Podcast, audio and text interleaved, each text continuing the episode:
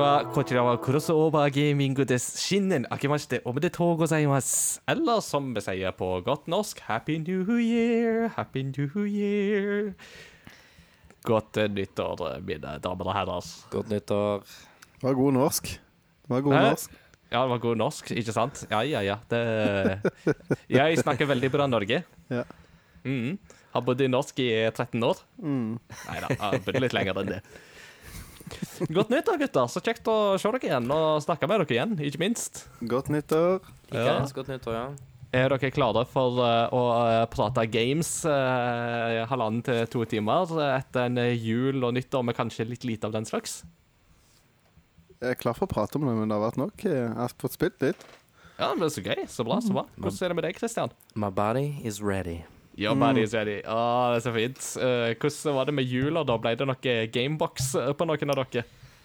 Eh, altså, vi snakket jo litt om det her eh, før opptak, eh, Ingar. At eh, på julaften jeg lo godt høyt og lenge når I Messenger til podkasten her så dukka det opp en snap som Mats Jakob hadde fått av en lytter, som hadde tatt bilde av juletreet sitt med pakka under, og så står det Håper jeg får gamebox i år. og, da, og, da, så, og så begynte liksom tankene å, å rulle litt. Så tenkte jeg bare OK, noen av de lytterne som jeg har, er jo voksne og har barn sjøl. Tenk om de gir en gamebox til en av sine barn. så, så sprer vi den der like a bad disease, den gaven der. Disclaimer. Does crossover gaming does not take responsibility for traumatizing your children. Ja, nei, vi må, eh, må gi shout-out til Sveinung for uh, den Sveinung, flotte snappen. Mm. Det var jeg lo, jeg lo minst like lenge som det før jeg rakk å sende den. Jeg måtte bare screenshotte det, og det var så nydelig. Det var, det var rett og slett helt vakkert og nydelig. Uh, så for de som ikke vet hva vi snakker om, når vi snakker om Gamebox, så får dere gå tilbake og høre vår GameCube-episode, var det vel? Da vi snakket om det, tror jeg. Så uh, litt langt tilbake. Men uh, det er en historie som er vel verd å recollecte, for å si det sånn. Men ikke for det- de faint-hearted, denne historien der, altså. absolutt, absolutt ikke. Vi skal i gang med podkasten. Mitt navn er Vi må jo presentere oss for de som kanskje hører på oss for første gang. Mitt navn er Ingar Takanobu Hauge. Jeg er programleder. Eh, I sitt eh, hjemmestudio i det som vi kaller for Sagbruket, så sitter Christian Bjutveit von Christian von den der, altså. Og fra uh, sin Batcave i Kristiansand, så sitter Mats Jakob. Oh, Mats Jakob! Wake up. It's time to die!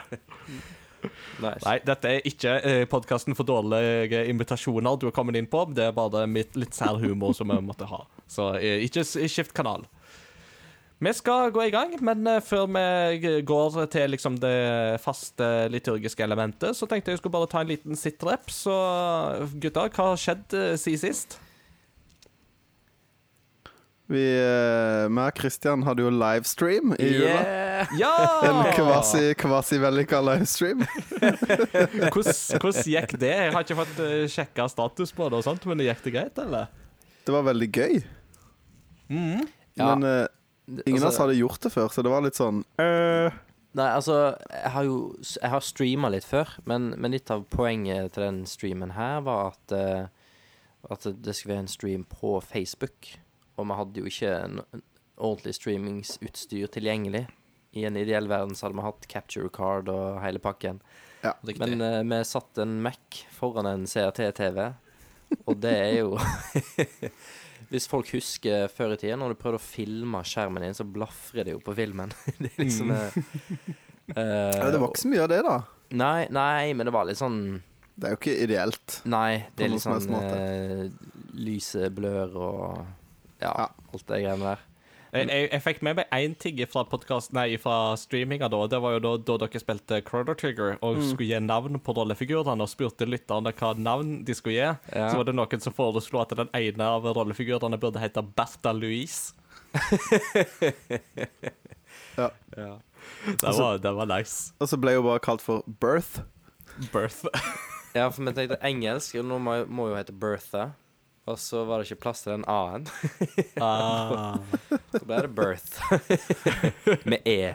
Altså. Og eh, dristig nok så begynte vi på Kronotrigger på japansk, men vi innså ganske kjapt at å spille et RPG på japansk Det er ikke så fryktelig lett, og kanskje ikke så gøy å se på.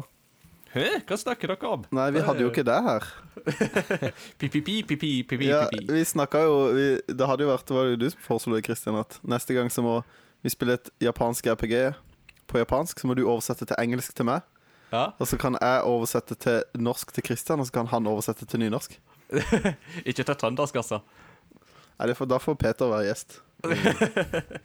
Peter, utfordringa er herved gitt. Mhm, Eh, Nei, men det er Godt jobba, gutter. Og det virker jo som at lytterne syntes det var kjempegøy. Eh, Så Ja, altså, det var jo det, for- må vi, det må vi få til igjen. Det var jo for å få litt sånn eh, julekos, så å henge litt sammen med Ja, både jeg og du, Mats Jakob, men òg litt sammen med communityet, som det heter på nynorsk. Ja, Menigheten, som det heter på Crossover Gaming-terminologien. På Crossover Gamingsk. Ja. Crossover gamingsk. Gamingsk. En festlig ting skjedde med meg i eh, Ja, det var på nyåret, da. Men eh, Mhm. eh, Jeg leverte minstemann i barnehagen. Og jeg er litt dus med han, han eneste mannen som jobber på avdelinga til Bjørn. Mhm.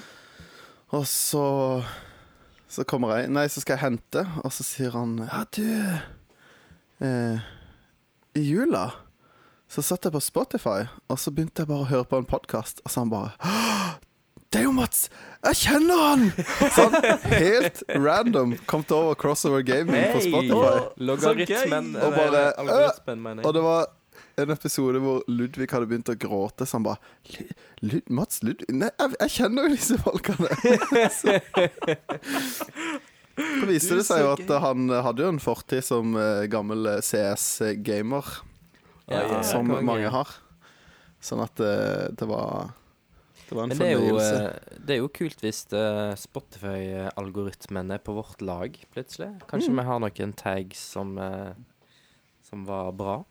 Ja. Vakkert, rett og slett. Mm. Velkommen skal du være, eh, barnehagearbeider eh, som Mats Jakob kjenner. Det er Ja. veldig hyggelig å ha deg med. Hvis håper du hører på, Aleksander, Alexander, shout out. Alexander! Kom for å bli. Ja da. Velkommen skal du være.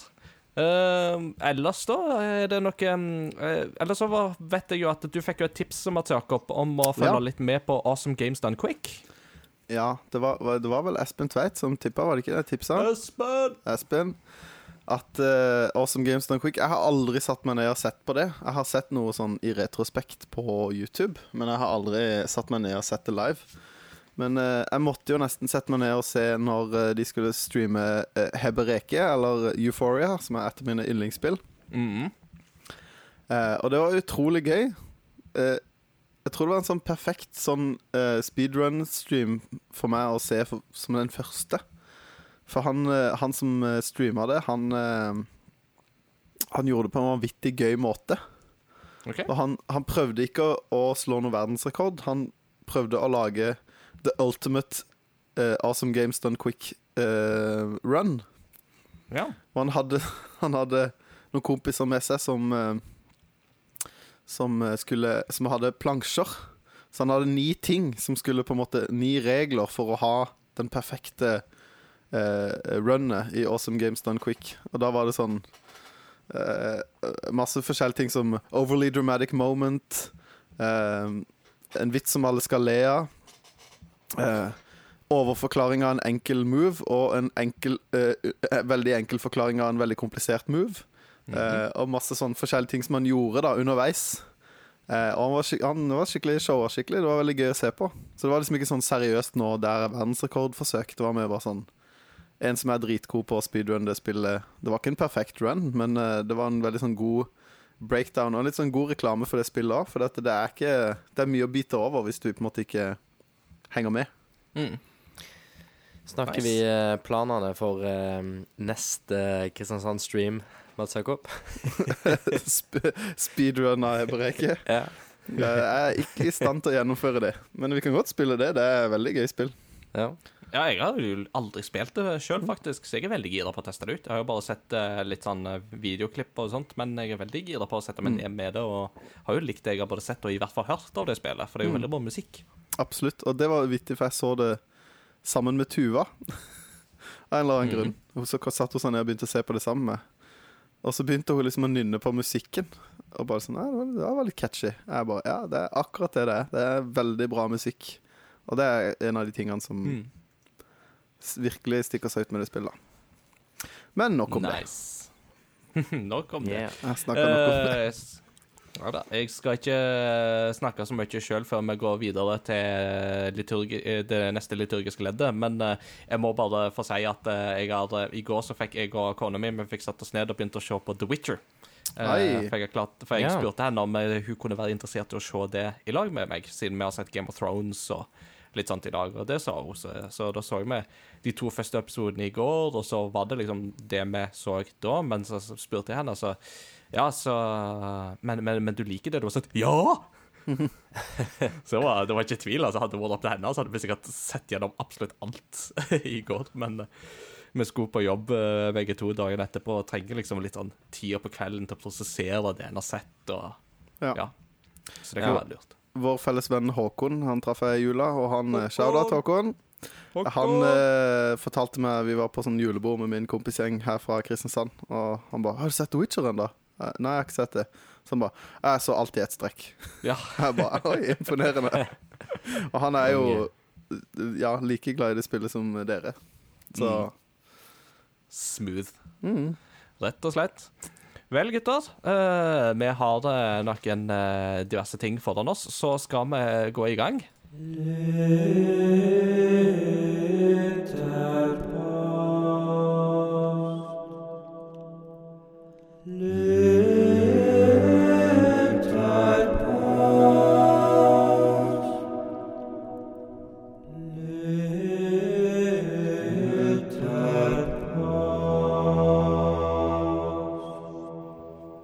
er det på tide å høre fra våre lyttere. Vi skal ha lytterpost, og eh, vi skriver nå et nytt år. Vi skriver 2020. Det er jo et år som har potensial til å bli et skikkelig critical hit-år, eh, siden det er to 20-tall i eh, der. Mm. Så alle som har spilt Dungeons and Dragons, vet at kaster du 20 på terningen, så er det kjempebra. Eller som det heter i Pokémon, it's super effective. Men eh, vi skal høre fra lytterne, og da har vi egentlig spurt kort og godt hvilke spill ser dere mest fram til i 2020? Altså hva spill som forhåpentligvis kommer ut i 2020, ser dere mest fram til? Ehm, da tenker jeg at uh, jeg kan uh, Vi sparer våre svar til um, temadelen, for vi skal snakke om det i temadelen. Så vi kommer tilbake til våre svar på dette i del to. Så da skal vi kun høre fra dere som er lyttere. Eh, da kan jeg begynne, siden jeg har eh, ene svaret oppe foran meg her. Det er fra Christian Alfsvåg, som skriver Håper og tror at oppfølgeren til Breath of the Wild klarer å lirke seg inn i 2020. Klarer ikke se for meg en virkelighet hvor det spillet kan skuffe. Eh, og så skriver han addendum. Når jeg tenker meg om, ser jeg at det er overdrevet en smule. Definitivt ikke et problem å se for seg at det skuffer stort med så høye forhåpninger. Ser fortsatt fram til det med glede. Yeah. Christian, vil du gå videre på neste? Yes. Jeg har da uh, prøvd meg på uh, klassikeren Peter Gjøkjell. Oi, oi, oi. Og det her, folkens jeg, eh, han, han setter pris på at vi prøver oss på trøndersk, så here we go. Alt skjer i god tone. Jeg gira på Cyberpunk. Leste først to. Nettopp spilte første, og det var en finfin opplevelse. Halo Infinite er jo noe jeg gleder meg stort til, og håper på å spille med deg, Ingar. Og så ser jo Doom rått ut. Ja. Indeed it does. Hva kommer seg den der uh, trønderdialekta di, Kristian? Du, ja, nå eh, Det her eh, var bra vi tar opp. Nå har jeg bevis. Jeg tror vi må ha en sånn recap en gang, hvor vi bare tar alle svarene dine etter hverandre. Se. ja. En sånn compilation. Ja. OK, nå, nå fikk jeg brått en idé til um, neste gang, Uh, hvis vi får Peter som gjest en gang til seinere, og med Mm. alle tre vanlige, holdt på å si, er til stede, dødelige. Ja, så må vi ha en, eh, en en blindtest, holdt jeg på å si. Altså en konkurranse, en rangering Mm. på trønderdialektskillsene våre, kanskje. Jeg tror gøy. Peter er klar for å gi oss en veldig hard og knusende dom. med det også. ja. Eh, k- Mats Jakob, vil du ta eh, din uh, første lytter? Yes, den er fra Martin Herfjord, og der står det bare You're breathtaking! You're breathtaking! Vi vet jo alle! Vi vet jo alle hva spill det han snakker om da. Det er jo da Oh, yes. The Path of Neo til Yes. PlayStation 2. Pipping Tom Simulator. Yes. Eh. Nei, det er selvsagt Cyberpunk 2077. ja. Yes. Jeg måtte faktisk fortelle den historien til noen studenter eh, forleden dag på campus, og de lo seg skakk uh, av hele den der You're breathtaking! Ja, det er helt fantastisk. Det er jo fortsatt Altså, det er vanskelig for meg å si hva som er det største E3-øyeblikket, men det er liksom delt førsteplass mellom 299 og den You're breathtaking. Ja, det er ganske Ja, og og, og um, Twilight Princess-traileren der Shigeru Miyamoto kom ut med sverd og skjold etterpå. Det er ganske episk. Oh, My Body Is Ready. Det er mye å ta. Ja, det er mye å ta men Ja. det skal vi snakke om til sommeren. Yes. Eh, Jeg har uh, plukka meg ut eh, svaret til vår eh, serieveteran Åsmund Solsvik. Eh, og da skriver han Kommer så mye bra i 2020. Topp tre er Cyberpunk, Last of Us 2 og Ghost of Sashimi. Pluss eh, der jeg da har kommentert Der jeg har kommentert også kjent som Salamalaksens hevn. Men det er selvsagt Ghost of Tsushima han eh, sikter til. Pluss at det sannsynligvis kommer nye konsoller på slutten av året. Tror det blir et veldig meget bra år for oss nerder. Og det er jo helt sant. Yes. Har veldig potensial til det. Mm. Men jeg likte den Ghost of Sashimi. Den hadde jeg ikke tenkt på før han skrev, og da holdt jeg på Da måtte jeg le meg eh, skakk i hjel.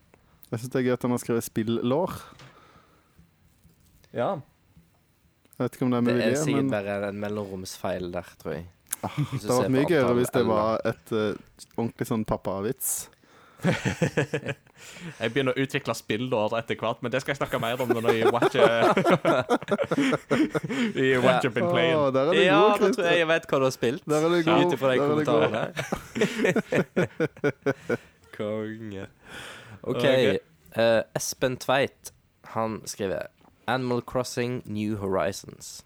Det er alltid så koselig med Animal Crossing, og det blir et fint spill å vise til og spille med kidsa. Absolutt. Mm. Det Yes. blir kanskje mitt første Animal Crossing-spill, tror jeg. Animal eh, Crossover Gaming? Nei. Nei. Wow, den var dårlig. Den var tørr. Au. Ja, Eh, jeg, jeg Don't vil, quit your day job. Og så går vi videre til Mathias Jakob. yes, det siste det yes. Sorry. Den siste er Bård Oskar eh, Angelsår. Angelsgård. Der, vet du. Jeg eh, gleder meg til Hatsume Miku Project Diva Megamix, og det var en eh, mouthful. Eh, har ikke spilt noe Project Diva spilt tidligere, men er litt interessert i Hatsume Miku. Og siden det kommer til Switch, så er det noe jeg kunne tenke meg å teste ut. Ja, det høres jo ut som en god plan. Vet du, ha. Kjenner du til Hatsumi Miku, eh, Ingar? Jeg vet ikke hva det, Ja. Får ikke noe bilde i Eh, hodet sånn umiddelbart. Uh, Hatsune Miku har du nok garantert sett. Dette er da en sånn japansk eh, anime-figur med litt sånn blå indigo-hår og to flett, i to fletter på sida. Mm. Og hun er da en musikkartist. Og greia er at hun er 100% digital. oh, ja. Så det er altså alt hun synger, er programmert inn i det som heter Vocaloid. Ja. Som da er dette her um, japanske systemet for å ta Altså at man skriver inn tekst, og så kommer det ut som musikk. Mm. Og greia er det at japansk er jo et 100% fonetisk språk, så det du skriver, det vil kunne konverteres til tale. Og det gjør jo at eh, man har da laga dette konseptet der man skriver inn tekst, og så har man da digitale artister som framfører dette. Eh, og Hatsune Miku er jo blitt et uh, ikon i, i den sammenheng, der du jo til og med har konserter med 3D-prosjektorer, der Ja. hun blir basically projisert live, og så har du et liveband som spiller bak, og så står Hatsune Miku på scenen og danser og synger. Det er sånn- utrolig captivating, egentlig. Så fascinerende. Hologram. Kjempefascinerende. Ja. Mm. Så det var for våre lyttere i denne omgang. Eh, jeg tror vi har eh, Det virker som et ganske godt og variert eh, utvalg der. Og vi skal komme tilbake med mer i runde to når vi skal snakke om våre favoritter for året som kommer, altså.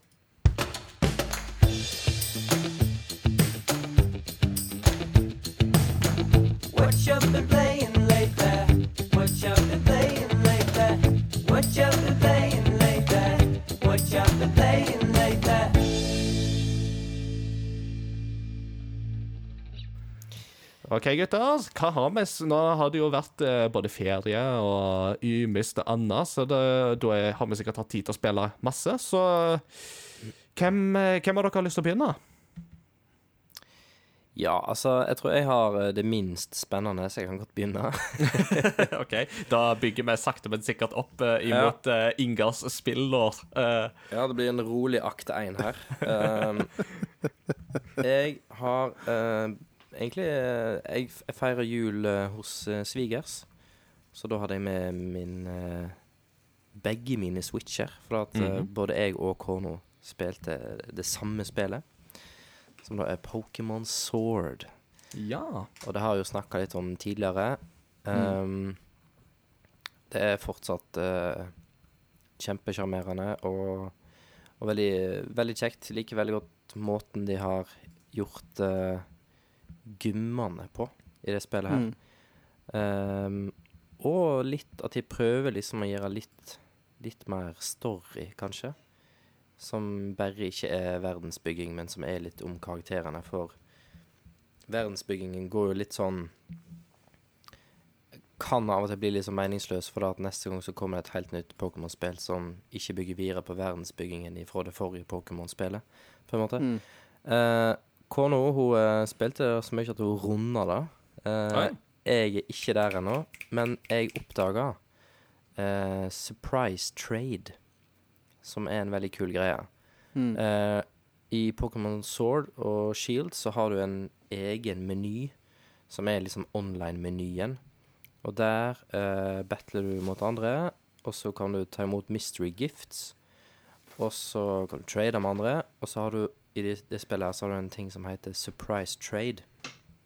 Og da velger du en eller annen Pokémon som du tenker ja, den her har ikke jeg eh, bruk for, eller passer ikke i mitt party, eller OK, jeg har fanga to av den, eksempel. Og så eh, sender du den av gårde, og så får du en random Pokémon tilbake. Um, og ved å bruke den her surprise trade-funksjonen eh, sånn kanskje 20 ganger, så hadde jeg alle tre starter-Pokémonene i party. Det er jo sjukt. Ja, Mm. da er det litt sånn eh, ikke så lett å få til eh, i tidligere Pokémon-spill, egentlig. Nei. Um, så ja, det er en ganske kul funksjon. Spillet er fortsatt uh, kjempeartig. Jeg er vel har tatt fem gym nå. Uh, men uh, når jeg kom tilbake til Oslo, så gjorde jeg det samme som eh, deg, Ingar. Jeg begynte å se The Witcher-serien. Mhm. Eh, Den så jeg òg sammen med kona, og vi brukte to kvelder på å se alt. Mhm. Deilig. Og så syns jeg liksom serien var litt sånn Spillet er jo av veldig høy eh, kvalitet, eh, og så jeg følte kanskje serien eh, Serien var grei, liksom. Men, eh, men da jeg ikke helt var liksom klar over, var når serien var ferdig, så ble jeg litt sånn trist. Og bare, Hæ? Men jeg syns jo ikke det var sånn episk bra. Men jeg fikk et sånn hull inni meg. Og bare, ah, jeg, jeg må ha mer Witcher. Så da var det rett bort på PC-en. Uh, du, uh, then you cast a toin to your witcher. ja. Begynner på Witcher 3 igjen, og nå er jeg 14-15 timer inn i et nytt Witcher-save, da. på. Å, det er så vakkert. Ja, så det er nå jeg driver og koser meg med å finne disse her Witcher diagrams. Altså for å få tak i disse den her, eh, disse settene med rustning, da, som du kan bygge og oppgradere og ja, storkose meg. Nice. Fett. Mm. Det er jo sjef. Og jo, jo, jo. Uh, det det tenkte jeg på i stad. Men eh, det jeg brukte aller, aller mest uh, egentid på i ferien, eh, var Unity. Så der har jeg liksom Ja. Brukt nesten all gamingtid. Og så har det vært litt Pokémon her og der. Ja. Igjen så må vi presisere det her. Det er snakk om programmeringsspråket Unity, ikke Eller programmeringsgreiene Unity, ikke Assassin's Creed. Unity. Nei. Ja, det ser all the Fikk vi way. snik det inn der òg. Det er bra. yes, nei, men eh, da er jeg ferdig. Vær så god, neste. Ja, Mats Jakob, vil du ta over? Jeg er spent på å høre fra deg òg. Det kan jeg gjøre. Det er ikke Det er forholdsvis likt som Krisen sitt. Jeg har ikke sittet og rota i Unity. Uh, men uh, jeg hadde jo Christian på besøk, og da hadde vi stream. Uh, og for de som ikke så den, så spilte vi uh, Christian fikk eh, testa eh, Jim Power and In the Lost Dimension in 3D. Jeg husker aldri den fulle tittelen. Det var Det her spillet jeg snakka om før. Ja, men det er dette spillet som har den scrollinga. Altså bakgrunnen scroller, men de scroller i sylinder, og du blir så bilsjuk av å spille det spillet. Mm. Og det toppa seg når du gikk på en plattform som gikk i sikksakk, Mm. Og bakgrunnen scrolla i tre lag i forskjellig tempo. Ah, og, og bildet gikk opp og ned. Det var helt sånn ja.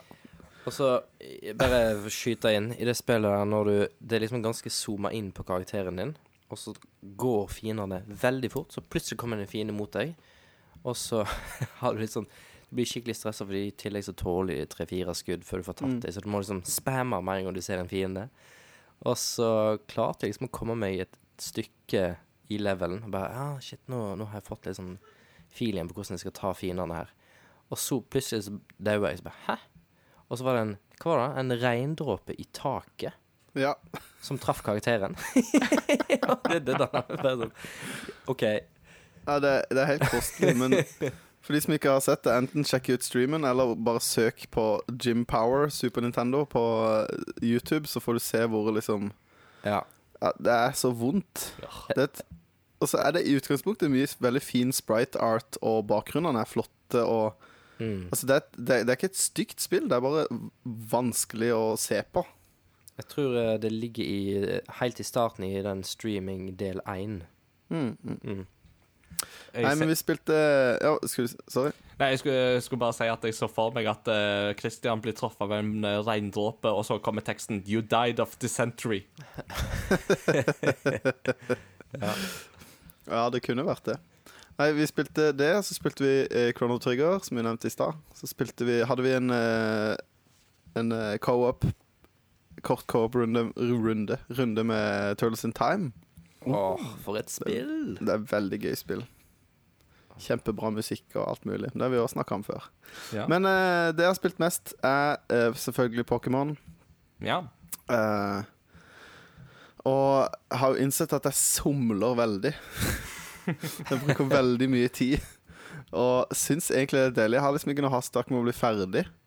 Men nå begynner jeg å liksom Jeg gikk veldig hardt ut om å liksom Jeg gikk omtrent ikke fra et område før jeg hadde fanga alle Pokémon som er Som Pokédexen sier at er der. Så nå er jeg litt sånn burnt out på å bare grinde og fange Pokémons. Mm. Um, så oppdaget, fortalte Christer meg om den surprise trade. Uh, så nå har jeg fått én av de Altså nå har jeg to av tre startere. Yeah. Uh, og så tenkte jeg veldig sånn Hvem gidder å bytte vekk starteren sin? Tenkte jeg veldig lenge. Helt fram til jeg fikk en starter, og jeg fikk han i level 1. Så jeg tror faktisk ikke det er folk som bytter de. Jeg tror det er lagt inn i spillet at i ny og ne så får du en starter. For det Ah, ja. går ikke an å finne Pokémon i level 1, og starterne du får, er i level 5 når du får de. Stemmer. Det er jo så, Så jeg tror faktisk det er lagt inn sånn at du skal kunne fange alle uten å måtte starte et game med en kompis og få han til å gi deg starteren din, og så starte nytt game, sånn som vi gjorde Iallfall meg og kompisene mine gjorde når vi var små. Jeg òg. Mm. Um, så det er Ja. Så jeg tror faktisk det er litt sånn random at du bare får det i ny og ne. Ja. Um, Makes sense. Ja. Det er i hvert fall det jeg tolker ut ifra at jeg fikk en Pokémon i level 1. Det høres jo veldig riktig ut, for altså, nå har jo ikke jeg spilt sånn veldig masse Pokémon siden Gold og Silver-dagene. Jeg har jo prøvd meg på um, Alpha Sapphire, men det jeg husker ifra eh, Silver, var jo at det, det var jo da de introduserte dette med at eh, du kunne få sånne egg, Pokémon-egg og sånt, og klekke Mm, mm, egne Pokémon. Og sjøl de var vel sånn rundt level 5 eller noe da de klekka. Uh, Ja. Jeg kan vel egentlig aldri huske å ha fanga en Pokémon som er lavere enn level 3, kanskje level 2. At det er Ja. en ta på level 2, men aldri level 1. Som, så det er noe der, som du sier. Men altså, for alt jeg vet eh, eh, Det er mulig at man kan klekke de starterne, og at folk For jeg vet at det er noen som farmer egg så det ljomer etter. For det er jo folk som er shiny hunters. Mm. Så jeg har jo sett folk Blant annet eh, så The Completionist, Gerard, sin uh, anmeldelse av spillet, og han sa han hadde klekt over 400 egg What? Uh, for å få en shiny. Eh, men så vet jeg ikke om det er random hva du får i eggene, eller om det er egg til spesifikke Pokémon. Så jeg har ikke satt meg nok inn i det. Så hvis noen som hører på vet det, gjerne korriger oss. Men uh, jeg tror iallfall det er sånn det henger sammen. Riktig. Ehm, nei, men eh, så jeg koser meg med det spillet. Jeg har, ikke noe, jeg har kommet litt lenger enn Christian. Jeg har to gymmer igjen. Uh, men det, begynner, det begynner liksom å dra seg litt til, og det, det er gøy. Nå, nå kan jeg sykle på vann. Det var jo spennende. Ja, for det, det er jo en sånn ting som Den der rotom-Pokémon, den kan jo liksom prosesse alt. Så du kan få liksom en rotom-bike som har en rotom-Pokémon som Ja, det er, det er veldig merkelig. Men det er veldig gøy å kunne gå på vann, så du bruker ikke Pokémon til å fly eller syk eller svømme lenger. Nei. Nå er det The Power of Grayskull som sørger for alt. Ja. Men et siste spørsmål om Pokémon, eh, Mats Jakob. Mm. Har du fått utvikla Farfetched? Jeg har ikke fått meg en Surfetched ennå. Har du? Nei, men veit du hvordan eh, du utvikler den? Det er sikkert en sånn Leafstone eller noe. Nei, han må OK, det her blir uh, nerdy. Men det, det er enten tre eller fem critical hits uh, med den Pokémon i én og samme kamp. Og da utvikler han seg. Ja.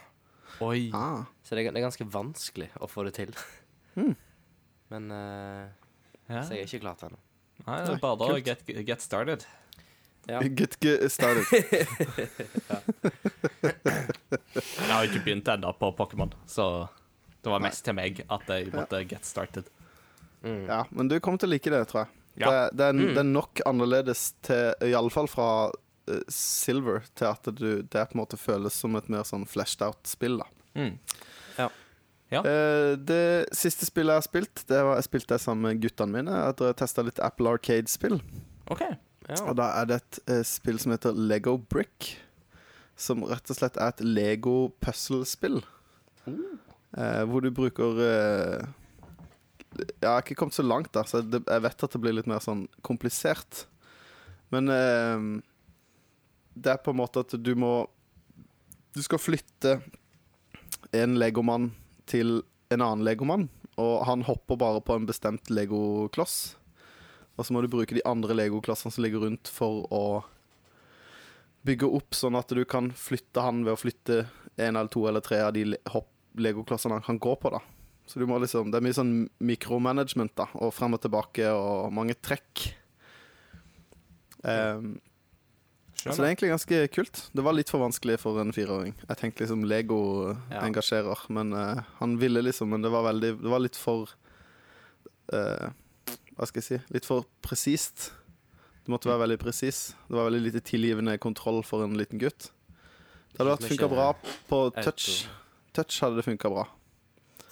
Så jeg tror nok det hadde funka bra på en iPad, for eksempel. Mm. For han. Eh, og så er det isometrisk, er det det heter? Sånn på skrå. Ja. Eh, og det er jo også litt frustrerende, syns til og med eh, Så det, det var vanskelig for han å forstå. Men eh, det er veldig pent. Eh, veldig kul eh, grafikk med Lego. Det er, ikke, det er ikke noe sånn stop motion eller noe sånt, men de har liksom animert legoklosser på en kul måte, da, syns jeg. Ja. Mm. Så veldig fargerikt og fint, og sånn rolig musikk. Så hvis du har Apple Arcade, er det absolutt verdt å sjekke ut. Nice. Cool. Lego Bricks eh, der, altså. Ja. Mm. OK. eh, jeg har en ganske omfattende liste med spill som jeg har vært innom, så skal jeg bare begynne? Ja, bare lene meg tilbake. Ja, du får bare lene deg tilbake. Nei, altså eh, Jeg var jo òg hos svigers i romjula, og da mm, gjorde jeg som Christian. Jeg tok med meg Switchen i håp om å få spilt litt. Men eh, jeg ble faktisk sittende og bruke mest tid på å lese da jeg var der. Så mm, jeg brukte mer tid på det enn på gaming. Mm. Men eh, mens jeg var hos svigers, så spilte jeg gjennom Cadence of Hyrule. Uh, dette kult. musikkbeat-spelet som er en sånn crossover av Crypt of the Necrodancer og uh, Zelda-serien. Eh, og det var, det var gøy, det, altså. Det var lettere enn uh, Crypt of the Necrodancer, så det hjalp litt på for motivasjonen. Uh, og så er det jo en kjent setting og kjent musikk, så det hjelper jo òg på. Eh, og det skal spillet ha. Den remixen av Zelda-musikken som du finner der, er til tider utrolig kul, altså.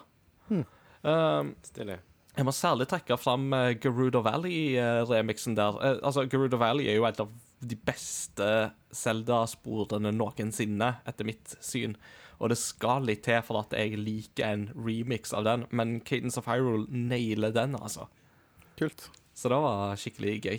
Uh, Gøyalt gameplay. Uh, blir litt gjentakende i lengden, for så vidt. Så det liksom sånn Men det, det er ikke så veldig langt heller. Så sånn sett så gikk det liksom sånn tålelig greit. Um, så hadde nok ikke havna på den Game of the Year-lista mi under noen omstendigheter, men det er fortsatt, eh, fortsatt gøy å ha spilt. Uh, veldig artig. Så sjekk det ut hvis det kommer på tilbud noen gang, og du er fan av uh, musikk eller Zelda-spill, eller musikken i Zelda-spill, for den saks skyld. Um, så kom vi hjem til Oslo i, um, innimot nyttårsaften, for vi har ofte en sånn Vi prøver å feire nyttårsaften i Oslo med venner, og hvis det er noen som er i Oslo, så inviterer vi dem. Og i år så var vi fire par, så vi var en god gjeng, da. Så da var det blant annet eh, to av våre lyttere, Eirik og Peter, med sine bedre halvdeler.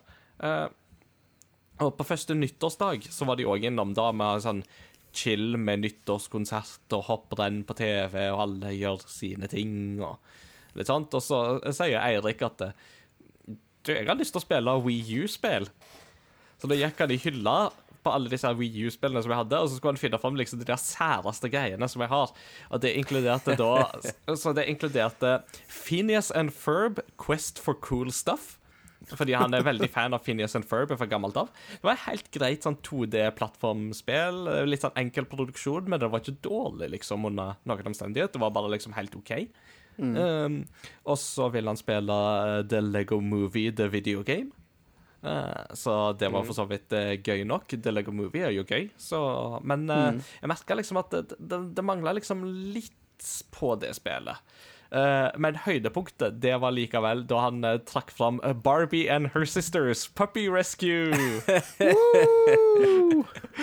Dette legendariske spillet som Mats Jakob eh, kjøpte for at jeg skulle ha i samlinga mi, og som eh, jeg forhåpentligvis aldri skulle spille, men eh, den gang jeg nå har jeg faktisk prøvd en halvtime av det spillet. Og det er akkurat så horribelt som det de skulle tro at det er. Å, det ble ikke noe Game of the Year-endring på lista. Tvert imot. Men altså, det er litt sånn Det, det er et Barbie-spill som er tydeligvis veldig billig i produksjon, så det i seg sjøl er jo interessant nok. Det virker til å være generasjonen før Wii U det egentlig er laga for. Altså sånn type uh. Wii eller noe sånt. Så det er sånn, du kan telle antallet frames i sekundet. Så det er choppy som fy. Eh, Det er altså skikkelig bugs òg av og til. Så det er sånn for eksempel når Barbie sykler i gatene, og så er det nedoverbakke, så har du tendenser der hun beveger beina opp og ned, men pedalene går ikke rundt. Men det verste med dette spillet Det er likevel disse her uh, valpene som du skal finne, for det er jo puppy rescue. Så du skal liksom finne bortkomne valper, og så skal du pleie de, du skal gi de vaksiner og pusse tennene på de og sånn. Og alle disse hundene har noen sånne øyne. Altså Animasjonen på øynene deres er så totalt mismatch på resten av animasjonene. Så de ser jo helt gale ut, hele gjengen. Det ligger et bilde av to i Facebook, Facebook, eh, på Facebook-sida vår, så sjekk det gjerne ut. Men det er sånn bare google Barbie Puppy Rescue, og så bare ser du på noen av disse bildene og ser på øynene til disse valpene. Det er, det, det the stuff nightmares are made of. Men altså, eh, Barbie and Her Sisters, er det en spin-off-serie av Barbie? Tydeligvis. Uh, her er ikke jeg godt nok kjent med Barbie-universet til å kunne fordype. What? For å si det sånn, dette er ikke My Little Pony, så jeg kan ikke forklare det. Nei. Ikke at jeg kunne forklart My Little Pony heller, men uh, de kunne jo tenke seg i det skjulte at det var en brony. Hvem vet? Ja, ja. Nei, men artig, altså. Ja, Så det var liksom eh, første nyttårsdag. Det gikk i de spillene der. Mm. Men så har det gått i litt mer seriøse ting òg. Jeg har gjennomført min andre gjennomspilling av Fire Emblem Three Houses. Mm. på, Ja. på Switch. Um, Så eh, det er jo sånn i det ene av disse husene Hvis du velger ett av husene uh, i dette spillet, så kan du velge underveis liksom branching stories. Så jeg har da fullført to sånne branchinger av den storyen. Eh, og så får vi se om jeg eventuelt begynner på et New Game Plus med et uh, nytt hus, og det blir jo i så fall den tredje gjennomspillinga mi av det spillet, så mm, vi får ta det når jeg får tid. Som jo er aldri. Uh, men det hadde jo vært gøy å få til, iallfall. Uh, fortsatt artig til, altså, men det er tydelig at dette er et spill som du må spille gjennom mange ganger for å få med deg hele på en måte settingen og sånt. Altså, Så det, det, det tar sin tid, altså. Det gjør det. Men replay-valuen er ganske høy. Hvor lang er en gjennomspilling, cirka? 50-60 timer har jeg vel landa på på Såpass, hver av disse gjennomspillingene. Så uh, Men det er klart at det på den andre gjennomspillinga, da kunne jeg jo begynne sånn halvveis ut i det. Ja, okay. ja. Ja, det er ganske langt spill. Mm, men det er ganske langt omfattende. Eh, et annet langt omfattende spill er jo Death Stranding, også kjent som Norman Reedus and The Funky Feedus. Eh, som jeg da spilte ferdig nå på mandag. Gratulerer. Jo, Tusen takk. Det var en um, Det var noen veldig lange cutscenes på slutten, gitt. I beste Kojima-stil. Eh, og det er liksom litt sånn Spillet er, er litt for langt. Det er det største ankepunktet jeg har mot det spillet. Men fytti grisen så emosjonell reise det blir til tider, altså. Det er en veldig sånn rørende opplevelse å være vitne til. Og den motion capturinga i det spillet òg er jo sånn Du glemmer nesten av og til at jeg sitter ikke og ser på Mats Mikkelsen. Jeg ser på en digital gjenskaping av Mats Mikkelsen. Eller Norman Reedus, eller Guillermo del Toro, eller noen av de Eller andre. Con Conan O'Brien. Eller Conan O'Brien, for den saks skyld. Hvilket er litt sånn funny. Jeg leste i dag en nyhet om at um, i Death Stranding så er det jo sånn at uh, når du går rundt i villmarka, så kan du jo når som helst ta og så tisse. Mm. Eh, Jeg og det har er blitt en veldig populær greie med at eh, folk tar og tisser utafor denne bunkeren til Conan O'Brien.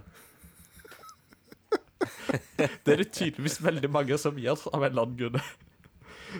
Så, Så merkelige ting å finne på. ja, så utrolig rart. Men sånn er det nå så. Uh, men, men altså, det der er et spill som er sånn jeg kan, jeg kan bruke så mye tid på Death Stranding og bare fortape meg i hele den der pakkeleverings-mekanikken i det spillet. Planlegge de beste rutene og alt. Og det var jo sånn, Jeg skulle spille det ferdig på en helg, tenkte jeg. Så lørdag og søndag skulle jeg spille det ferdig. Men jeg kom jo aldri så langt, for jeg brukte lørdagen på å bygge veier. Sånn at eh, jeg hadde ei bedre rute å gå, og, som andre kunne benytte. Så det gikk hele lørdagen med på å bygge veier. Og det var sånn, når jeg først hadde begynt, jeg kunne ikke slutte. Men, men uh, med tanke på akkurat det der at hvis du gir noe, så, så skjer det òg hos de andre spillerne, og det gagner hverandre. Merker du forskjell på spillverden uh, nå uh, og til når du la det fra deg før jul? Hadde det Det er kanskje vanskelig å huske, da, men, å si, altså. Men uh, jeg tror jo ikke det er sånn at du deler verdenen med absolutt alle eh, online. At det er et, begrensa utvalg med hvor mange spillere du interagerer med over nett. mm. Eh, men jeg følte ikke at det var noe verre, i alle fall etter jul. Det, det var det ikke. Så Nei, men det var, det var ikke kommet mange nye veier plutselig, der som du avslutta sist. nei, ikke som jeg kan huske, iallfall. Uh, Nei, ok. Så nei. Det tror jeg ikke. Nei.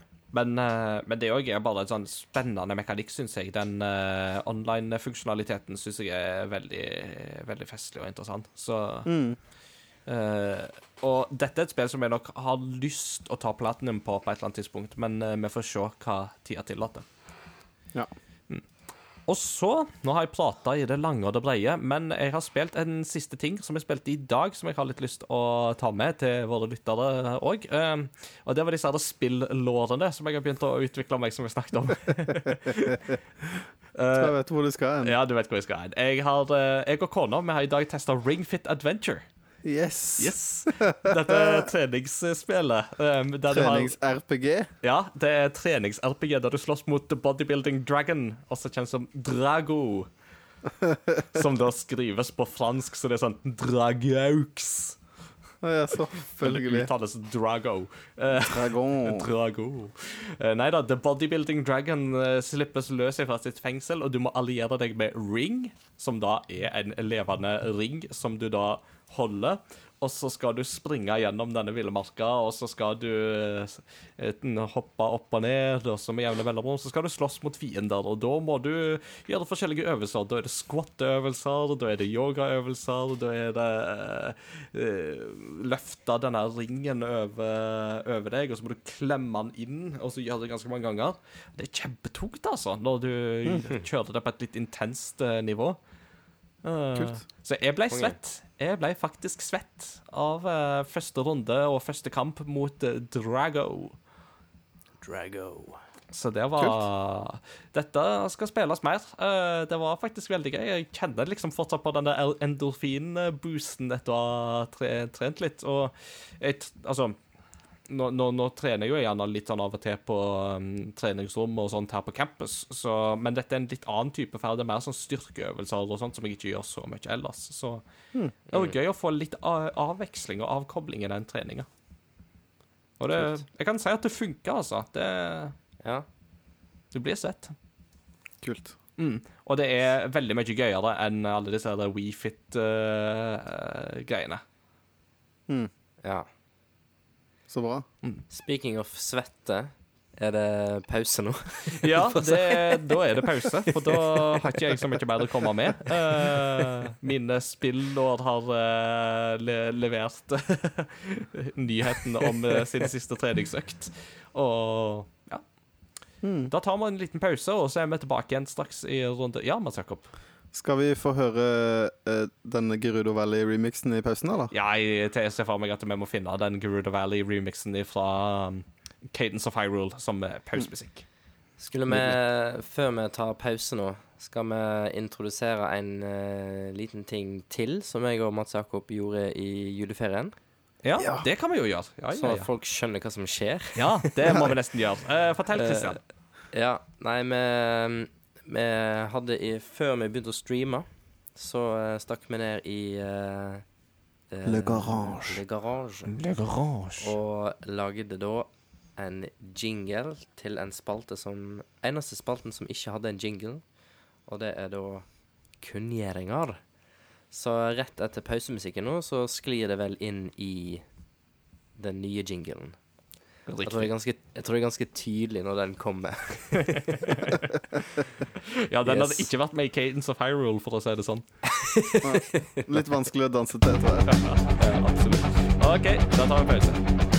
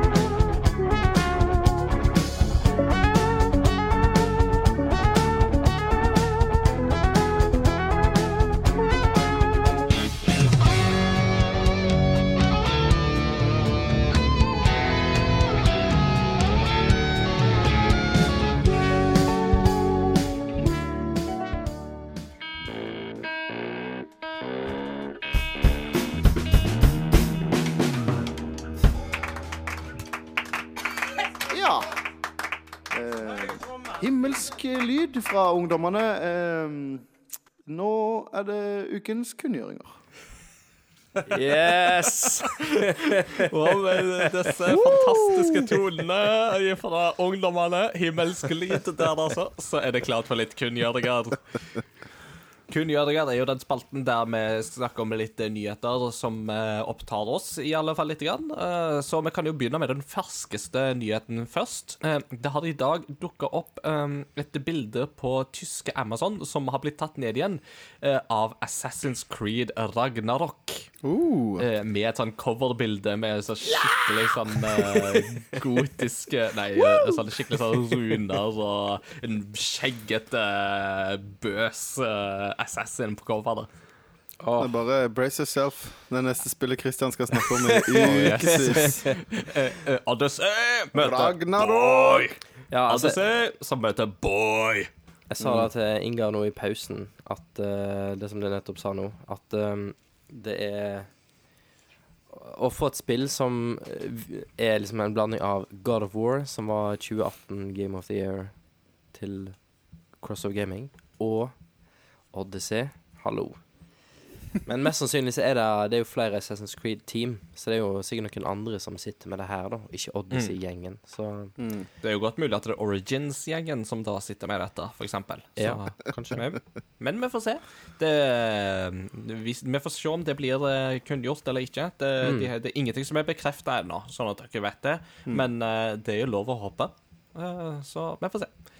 Eh, Ryktemelder. Hm? Ja, ryktemelder går. All, ab- all aboard the hype train. Whoop, whoop.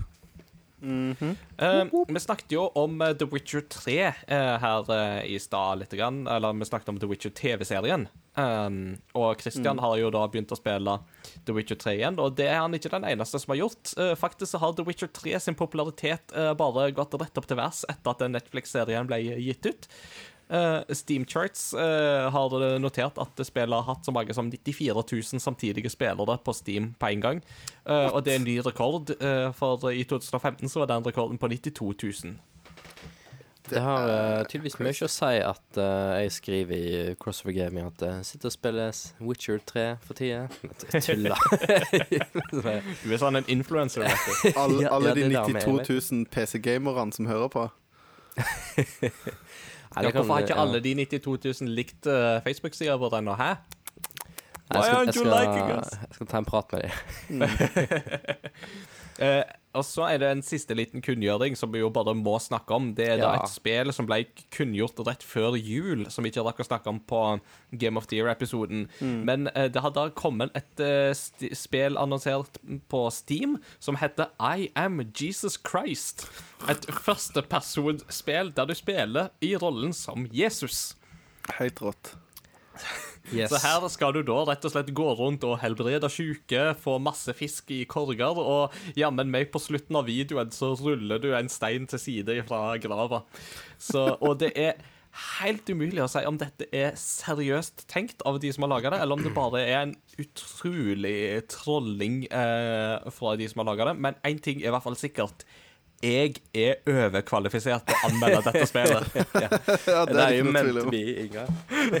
Og eh, allerede nå så sier jeg det. Hvis, hvis vi får den kode uh, i Game Reactor på det spillet, så skal jeg ta utfordringa. Jeg skal ta og anmelde I Am Jesus Christ. Yes. Ja, Christian. Jeg sitter nå eh, her eh, med den Steam-sida til spillet oppe.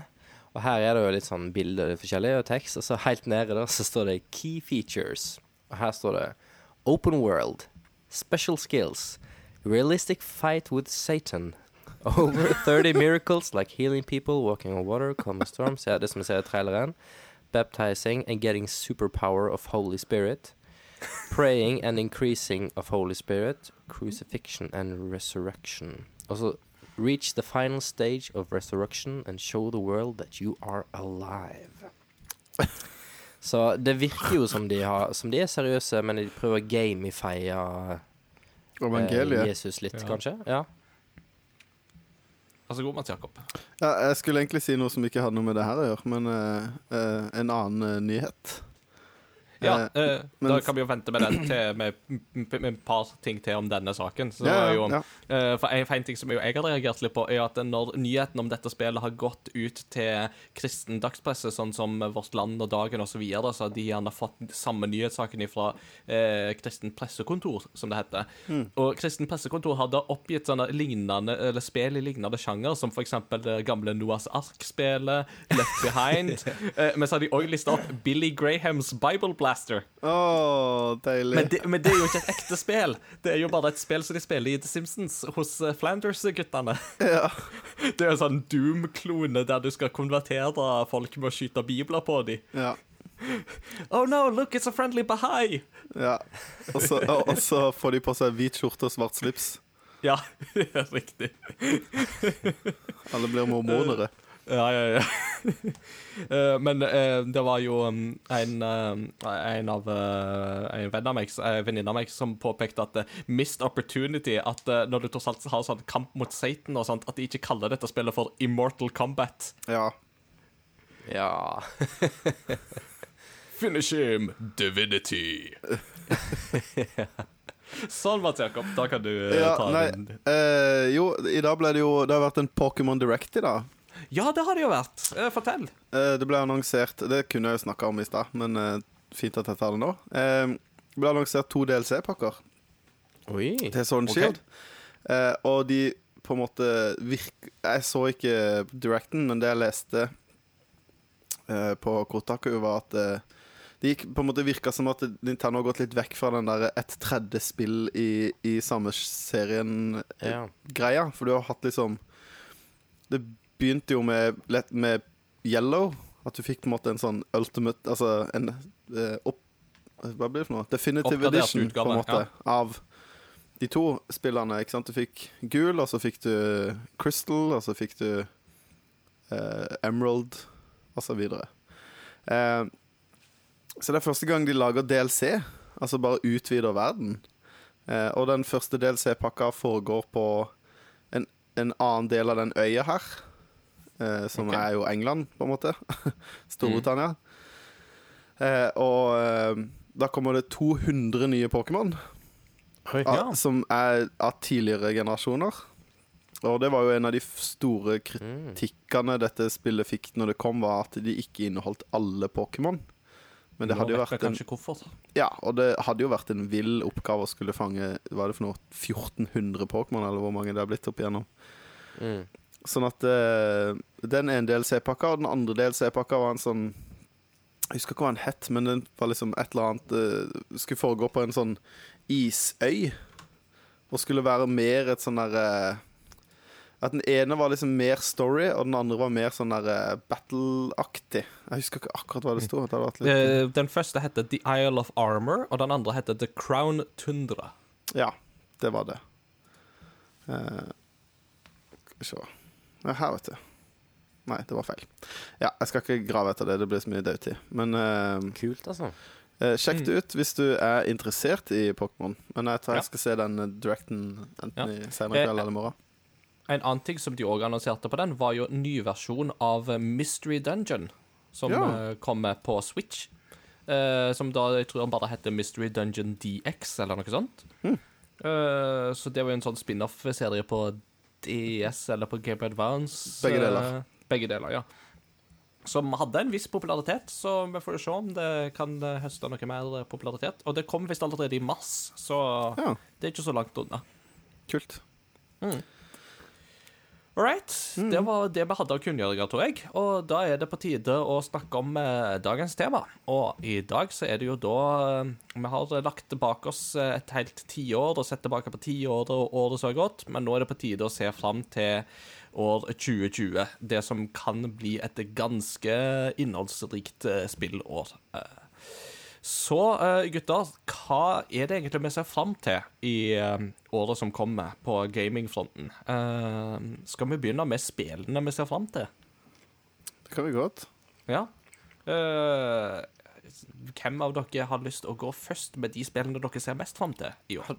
Har, du, Ingar, lyst til å begynne? Jeg føler alt det, Du får ikke så ofte lov å begynne, men du kan få lov. Men jeg, det er jo fordi at jeg prater så masse når jeg først får ordet, vet du. Mm. Men jeg kan godt begynne, jeg, altså. ja. Ja. Ja, jeg har laga ei liste på, um, på Game Rector, um, der har jeg prøvd å lage meg en topp ti-liste med uh, mer eller mindre rang, vilt rangerte spill. Så jeg kan begynne på bunnen av den lista, for jeg vil si at det er de spillene jeg gleder meg mest til, de plasserte jeg på toppen, og så ble det litt mer random nedover etter hvert. Hvor lang er den lista? Uh, topp ti. Topp ti. Nice. Ja. Og så har jeg noen honorable mentions som jeg kan gå innom etter hvert, uh, hvis man får tid. Så. Eh, men jeg kan begynne med den som er nederst på den lista. Det er da Bravely Default 2. Ja. Ja. Uh, jeg er jo kjempefan av einen. Uh, fortsatt en av mine favoritt-japanske rollespill fra det siste tiåret. Uh, veldig innovativt og kult kampsystem. Fantastisk musikk av mannen som også har gitt musikken til Attack on Titan. Um, og de som lagde det spillet, de har laga dette Switch-spillet Octopath Traveler, som jeg jo var en eh, fan av. Så det som en stusser litt på, er jo det at de har kalt dette for Bravely Default 2. For det fins jo allerede en oppfølger til Bravely Default som heter Bravely Second. Eh, så man blir litt forvirra. Men jeg tror jeg har knekt koden, og det skyldes at eh, i traileren så ser du det som virker til å være helt nye rollefigurer. Eh, mens i Bravely Second da fulgte du de samme rollefigurene som eller mer eller mindre, som i einen. OK. Så jeg tror det er der forklaringa ligger, at det her vil det sikkert være enten en annen verden, eller mye lenger fram i tid, eller kanskje fortid, men i alle fall helt andre rollefigurer. Det er vel Square som gir ut det spillet, er det ikke det? Det er Square Enix som gir ut spillet, ja. Og det er de samme folka som har laga det uh, greiene før, som uh, altså både Bravely Default og Octopath Traveler. Altså, Eh. eh, for Square er jo mestere i forvirrende RPG-numberings. Sånn at eh, Og den der å ha liksom her er spill, to spill i det universet, og så kommer det et nytt univers, men heter Final Fantasy mm. 14, 15, og så har du 13, 1, 2 og 3, og så Ja, ja, ja. Så so, keeping the traditions alive, rett Ja. og slett. Ja. Eh, og så, neste spill jeg har på den lista, når vi går oppover, det er Streets of Rage 4. Det kommer jo forhåpentligvis i løpet av året. Streets of Rage er jo dette gamle beat 'em up eh, denne gamle beat 'em up-serien på Sega Mega Drive, mm. med et ikonisk fantastisk soundtrack. Eh, og komponisten skal jo vende tilbake med Åh. Streets of Rage 4. Det har de bekrefta. Og han har jo fått med seg flere utrolig dyktige komponister. Blant annet så har han fått med seg uh, hun uh, Yoko Shimomura, som står bak musikken i Street Fighter 2 og Kingdom Hearts-serien. Oi. Så det tror jeg kan bli veldig veldig kult. Og så tror jeg det bare blir et tøft beat em up-spill. Grafikken ser veldig kul ut. De har en mer sånn tegna, animert grafikk denne gangen, men mm. jeg tror det kan bli veldig gøy. Så jeg, jeg gleder meg. Kult. Nice. Og så, nummer åtte, da har jeg plassert uh, Ori and the Will of the Wisps. Åh. Det har jo dessverre blitt litt utsatt fra februar til mars, så mars er jo allerede en grisetravel måned, ser det ut som. Så vi får bare smøre oss med tålmodighet, men uh, Ori and the Will of the Wisps ser veldig, veldig nydelig ut. Uh. Vet du om, om uh, hvor mange plattformer det er sagt at det kommer til på dag én? Det er vel, eh, i likhet med forgjengeren, så er det vel egentlig bare Microsoft-plattformene, altså Ja. Xbox og PC. Ja, altså Han kommer ikke til Switch, sånn som eineren har gjort nå. Nei. Nei, Nei. de har avkrefta at det kommer på Switch, og det kommer nok ikke på PlayStation heller. Nei. Så, Nei, det mm. Men det var flere som spurte om det da um, Ori and the Blind Forest kom ut på Switch, om å, vil det si at oppfølgeren òg gjør det, men da sa de nei, dessverre. mm. Og så går vi opp til neste på lista. Da har vi en et japansk rollespill. Uh, Tales of Arise.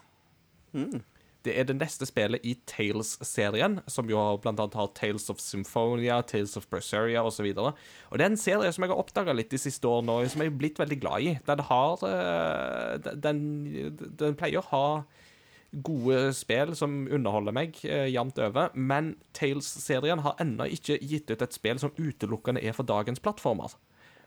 De har liksom, Selv Ja. Tales of Berseria ble gitt ut på PlayStation 3 i Japan. Så det ble på en måte lagd for de gamle konsollene mer enn de nye. Uh, Tales of Arise, derimot, det ser ut til å gå for uh, det nye. Så um, det blir spennende å se hva, hva de kan få til der. Uh, med ny grafikk og sånt. Og ja, det blir gøy gøy å se hva de kan få til. Cool. Så er det på sjetteplass, blir vel det, så har jeg satt opp Bayonetta 3.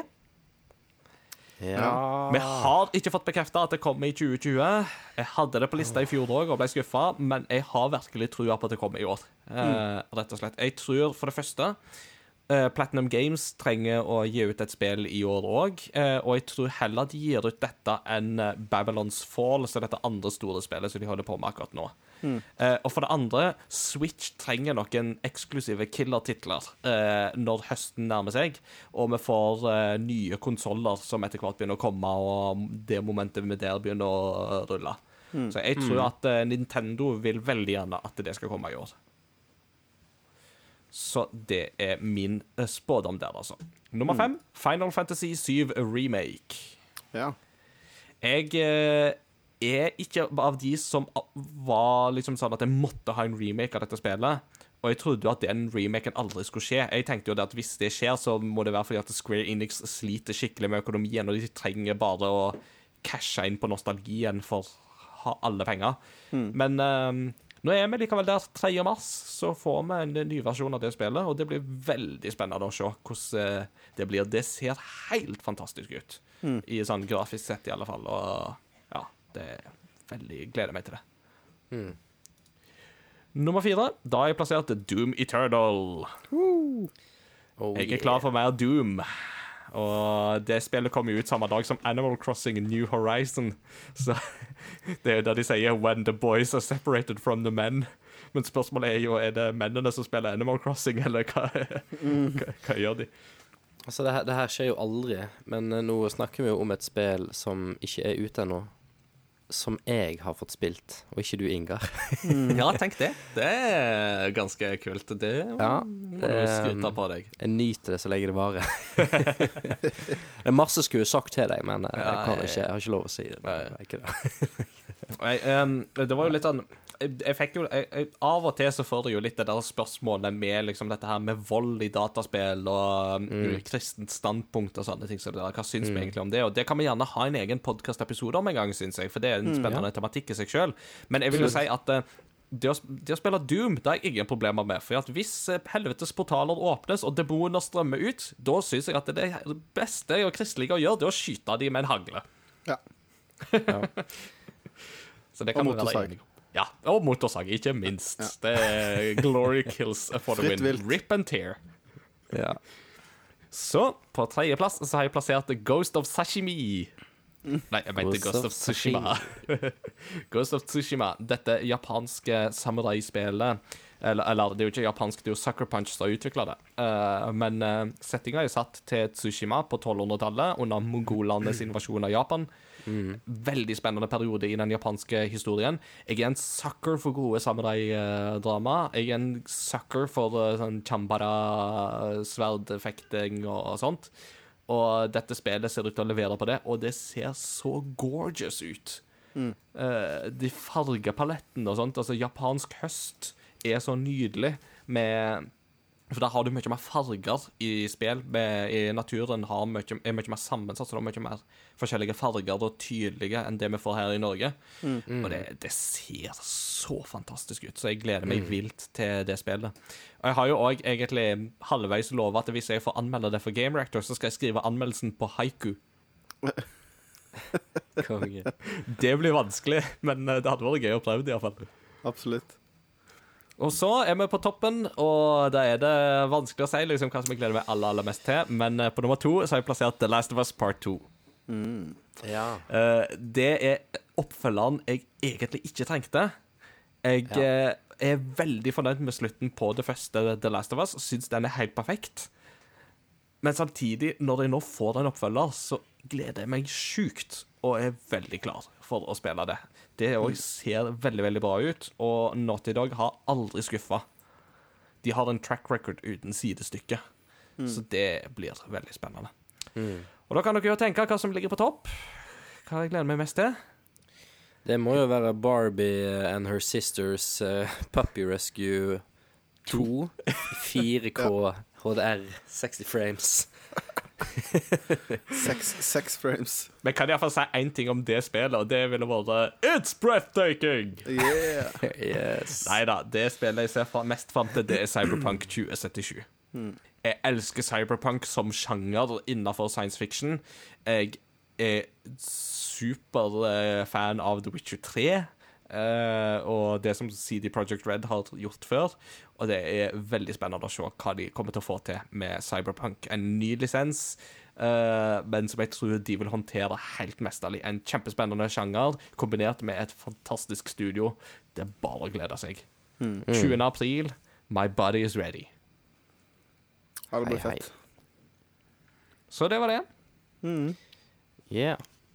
Skal vi gå i motsatt rekkefølge i stedet? Ja, jeg husker Det ikke rekkefølgen. går fint for meg. Men, eh, Yes, ja, da da kan jeg til slutt, da. Stemmer, ja. Um, Jo, eh, altså Jeg begynner på topp, jeg. Eh, Jeg er jo en believer. Jeg håper jo at Breath of the Wild 2 kommer i 2020. Jeg tenker, Ja. at, jeg tenker at det er den hiten de trenger i, i, i oktober-november. For å få folk til å ha lyst til å kjøpe en Switch, eller iallfall kjøpe spill til Switch. Mm. Mm. Um, jeg tror jo det er mulig, i og med at uh, Majora's Mask kom ut et år etter Ocarina of Time. De skal jo bruke samme engine, regner jeg med. Mm. De har jo masse assets klart, så det er liksom Det kan ikke være soft Altså, det er jo en del som skal til, men det er ikke så mye som de åtte årene de brukte på å lage Breath of the Wild, eller hva det var for noe de brukte. Fem år var det vel, tror jeg. Ja, Mm. det er lenge, lenge nok. Lenge nok, ja, absolutt. Eh, så det gleder jeg meg veldig til. Mm. Men uh, jeg vet jo at det er ikke sikkert jeg kommer i 2020. Nei, jeg, du merker at jeg ikke hadde det på min liste, eksempel. Ja, så det er mer sånn uh, som jeg har skrevet i lista mi. Fingers crossed. Jeg har Trials of Mana. Den Ja. Nå kommer jo Altså Secret of Mana 2, som mange kaller det. Uh, uh, det kommer jo i den Mana Collection som kom til Switch. Eh, som Super Nintendo-versjonen, men det kommer jo da altså en HD-remake av det spillet, som uh, ser kjempepen ut. Mm. Og jeg syns det de har vist til nå av liksom konverteringer av liksom For det, det har jo noe ville sprite art. Vill sprite art, det spillet. Den der krabbebossen som er ganske tidlig i spillet, som blir vist i alle trailere og sånne ting. This giant enemy crab. Ja, den er jo, den er jo kjempe, det er en kjempestor sprite. Det er jo utrolig krevende for Super Nintendo å få til. Mm. Eh, og overføringa til 3D der syns jeg var spot on. Mm. Ja. Så jeg er veldig spent på det. Christian? Uh, uh, spilte du den der eh, HD-versjonen av Secret of Mana? jeg gjorde ikke det, men den ble jo slakta. Men Mm. den lages jo ikke av det samme teamet. OK. Ja. Eh, altså, den ble, altså den ble, ikke, den ble slakta av Secret of Mana-fanboys, på en måte. Altså, Den var vel litt sånn generisk og glatt uh, Ja. var ikke det? og så var på en måte Jeg tror ikke kontrollen var på en måte helt på par med Super Nintendo-kontrollen. altså Nei. Hvor, hvor på en måte tight han var, da. For det Mm. er jo et spill som Det er litt sånn Hit detection er litt sånn eh, så som så til tider.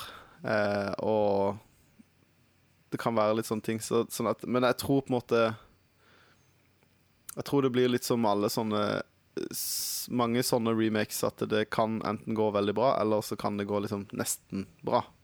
Mm. tror du må liksom virkelig treffe spikeren på hodet for at du skal klare å overføre det til den nye Til nyere generasjoner. Ja. Men dette er jo et spill som få i Vesten har spilt, så det blir jo på en måte en først, et første møte for mange, da. Det er sant. Eh, sånn at jeg tror nok du vil få en større Mer positiv opplevelse for mange av det spillet, da. Det er mindre fordommer eh, når de går inn i det. Så. Mm, mm. Cool. Yes. På neste på lista mi der har jeg Axiom Verge 2. Ja, det var Ja. annonsert. Eh, og Axiom Verge 1 er ikke fullført, men det er jo da rett og slett eh, et Det er jo en Metroid-klone, for å si det mildt, Mm. men lagd av én fyr. Mhm. Eh, og musikken er dritbra. Eh, og det var et av disse veldig Et av de første liksom var veldig tidlig ute på det her limited run-opplegget.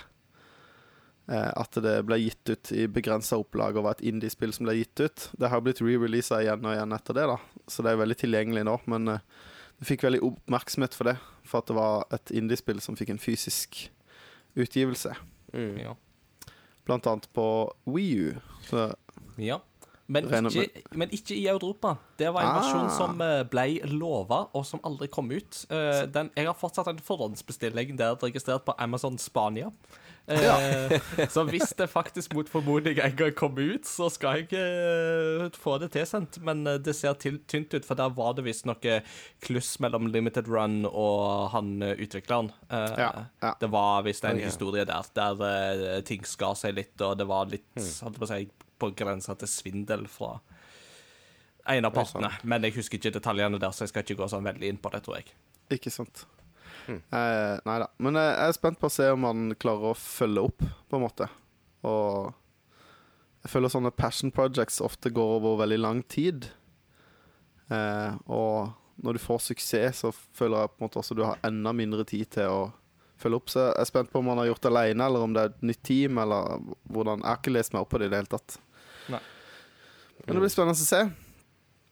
Uh, det siste spillet jeg har skrevet opp, som jeg kom på når jeg kikka, var Gods and Monsters. Ja. Uh, som er det her eh, Det er, spill, det er lagd av Ubisoft, så bare der blir jeg jo litt sånn Litt usikker med en gang. Jeg syns jo For meg har de en veldig dårlig track record. Mm. Uh, men det er et Zelda-spill Se her, vet du. Det er et spill som drar ganske stor inspirasjon av Breath of the Wild, og i artstyle og alt. Mm. Mm. Um, Ja. Så vet jeg ikke helt hva liksom kjernegameplayen går på, om det er liksom hvor uh, Breath of the Wild kloner til det, men uh, uh, Men det har liksom interessert meg, så jeg er eh, veldig nysgjerrig på det spillet. Mm. Mm. Jeg er veldig nysgjerrig på det, altså. Og så blir det litt spennende å se om det faktisk kommer i 2020 eller ikke. For eh, Mm, mm. Ubisoft hadde jo en runde nå for ikke så mange ukene tilbake der de utsatte en del eh, prosjekter som de hadde gående. Ja, Som ja. da inkluderte Gods and Monsters og uh, Watchdogs Legions og litt flere sånne større titler som de holder på med. Der de rett og slett sier at eh, vi må restrukturere litt og tenke litt hvordan vi gjør ting og sånt. Og det var blant annet i kjølvannet av at eh, Ghost Recon eh, Breakpoint gjorde det så dårlig som det gjorde. Ja. Eh, så det blir eh, interessant å se om de faktisk klarer å få til eh, 2020-lansering eller ikke, men det er definitivt lov å håpe. De har ikke avkrefta et 2020 ennå, så, men det kan hende at det bikker over i 21, så det blir spennende. Mm. Nice. All right. Absolutely. Eh, Christmas uh, Chris Lake uh, Funnies. Uh, kjært, Ja. har, har mange navn. På nederste plass har jeg World of Warcraft 2, og så har jeg ikke Nei, jeg har ikke Jeg har ikke tenkt uh, ting som kanskje kan komme. Jeg har tenkt veldig ting som er bekrefta, Mm. og som har dato. Ja. Og hele den pakken der. Uh, og nå er jo uh, egentlig alt sagt her, så det bare avslutte med for i dag. Ikke det? Neida. Jeg skal ta my pick her. Uh, første jeg har skrevet her, det er ikke i rangert rekkefølge, det her, altså. Men det første jeg har skrevet ned, er Cyberpunk. Mm. Og uh, når jeg var på Dreamhack eh, i eh, november-desember, så ble vi vist en sånn gameplay Vi var så på en gameplay-gjennomgang bak lukkede dører av eh, det spillet her. Og det eh, så nydelig ut, og det var ekte, fordi at spillet krasja. Så han, eh, han måtte liksom loade inn igjen, og det bare Det var en som spilte, så var det en som prata, og hun bare This just proves that uh, it's real, OK? så, så det var um, Det ser jo helt uh, Ja. Det ser jo ut som et spill som aldri er laga før, hvis det går an å si det. Det gjør jo det. En eh, Det blir jo en en kjempebra måte å avslutte denne generasjonen på, og Mm. gå inn i neste. Og da føler jeg egentlig de fleste av de spillene på den lista vi gjør for det neste spillet jeg har skrevet, er Ghost of Tsushima. Yes. Og en av grunnene til at jeg syns det er veldig spennende, er jo det ser jo helt nydelig ut. Men jeg husker når eh, det var rykter at at eh, Sony holdt på med et Spiderman-spill, så tenkte jeg ja, det, det er Sucker Punch som lager, driver og lager Spiderman. For at de har ikke gjort noe siden Infamous Second Son, som var et release-spill til PlayStation 4. Mm. Som da vil si at det kom ut i 2013.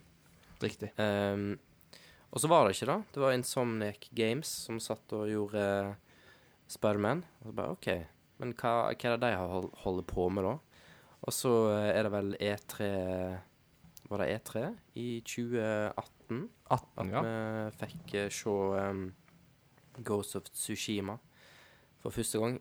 Og da eh, ble jeg veldig, veldig gira, for da betyr jo det at det her er et spill som de da har i hvert fall holdt på med i seks år. Hvis ikke enda lenger. Og en av grunnene til at jeg òg syns det her kan virke veldig fett, er at jeg har en liten teori om at det er et multiplattformspill. At det både kommer ut på PlayStation 4 og PlayStation 5. ja. Og at de derfor mm. har liksom utsatt det litt grann, og, og pusher litt og sånn, sånn at de òg kan, eh, kan ha en, en PlayStation 5-port av det. Så eh, det er en sånn liten sånn eh, gøy uh, teori som jeg har, som jeg, jeg tror det her blir uh, blir veldig, veldig kult. ja, vi får se om du har rett. Ja. Og så um, har jeg selvfølgelig, og jeg er helt enig med deg, Ingar, The Last of Us Part 2 har jeg skrevet. Og jeg er helt enig med deg at eh, The Last of Us trenger egentlig ikke en oppfølger. Men uh, en ting som gjorde meg veldig, veldig glad, var at når jeg så den første traileren til det spillet her, så tolka jeg at en ganske sentral karakter var død. Og så hadde jeg ikke hørt noe mer om det spillet her, eller diskutert akkurat den teorien med noen som helst, men bare tatt det for gitt. Og så dukker det opp en, eh, en sånn gameplay-trailer eh, Det er vel to år etterpå, Mm. og da er den karakteren i live. Og jeg bare What? så det var en sånn Ja, da ble jeg hakket mer gira på På å følge Å spille det spillet her for å på en måte følge forholdet mellom disse to karakterene videre. Mm.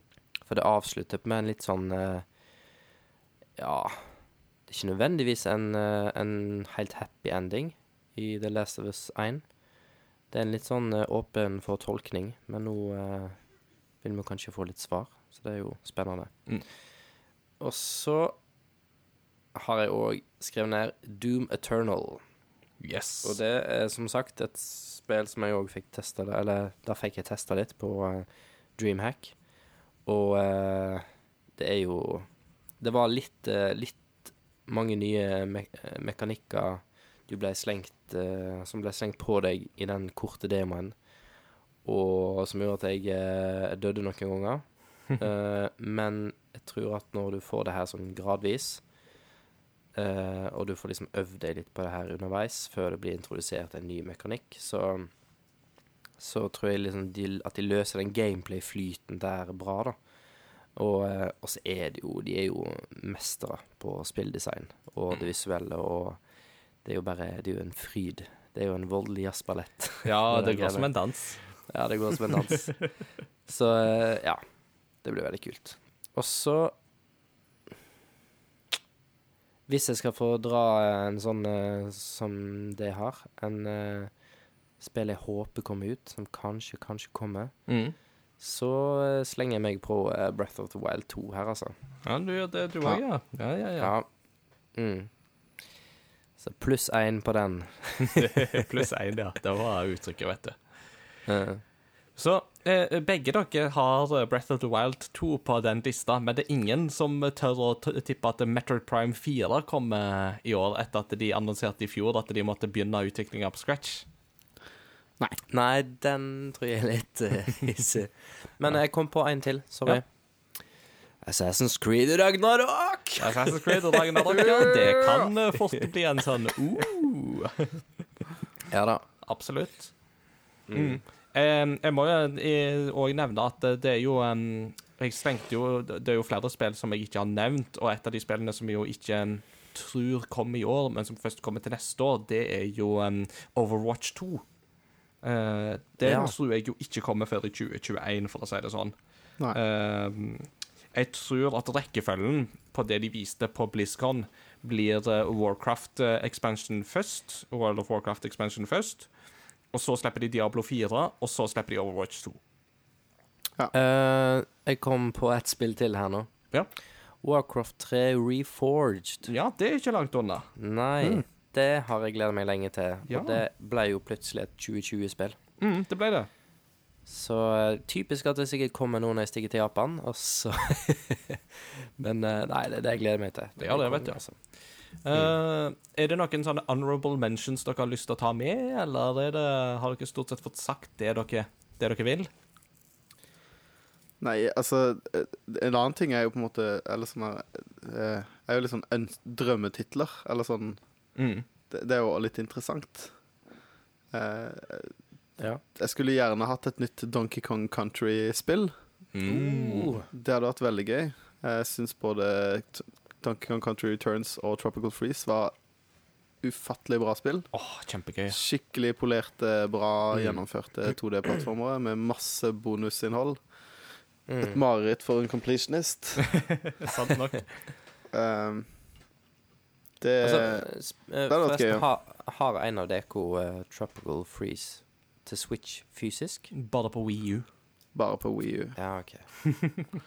Jeg har ikke, jeg har ikke kjøpt et eneste Wii U re-release-spill til Switch. Nei. Jeg hadde jo ikke Wii U, så Nei, men har du det? Sånn er det. Nei, nei, for da lurte jeg på om vi kunne låne det. Mm. Men uh, Det er- det kan vi ta utenfor podkasten. Nei, det er, det er bånnsolid spill, så det er Ja, og, og supervanskelig. ja. Det er ordentlig vanskelig, litt sånn som de Mm. gamle Donkey Kong Country-spillene. Ja, absolutt. Absolutt. Mm. Mm. Eh, jeg har, har jo et par eh, honorable mentions jeg har lyst til å ta med, men eh, Christian kan jo få si sitt først, så ja, jeg bare Mens vi snakket om plattforming her, et nytt 3D Rayman-spill. mm. Det hadde gjort meg lykkelig. Ja, det hadde vært gøy. Det hadde vært gøy. Eh, jeg har et par andre spill som jeg har lyst til å ta med på lista, som ikke var på den topp tien min, men ehm, eh, Beyond Good and Evil 2 er jo noe som jeg alltid håper at vi kan få litt mer nyheter om snart. Um, Ja. Tvilsomt at det blir denne generasjonen. Jeg ser for meg nå det er neste, neste generasjon. Eh, de pusher det til neste. Men uh, kanskje litt mer detaljer. Det hadde vært gøy. Eh, Resident Evil 3, eh, den nye versjonen, er jo bekrefta. Mm. Og det gleder jeg meg veldig til etter Resident Evil 2-remaken i fjor. Så Mm. det blir veldig stilig.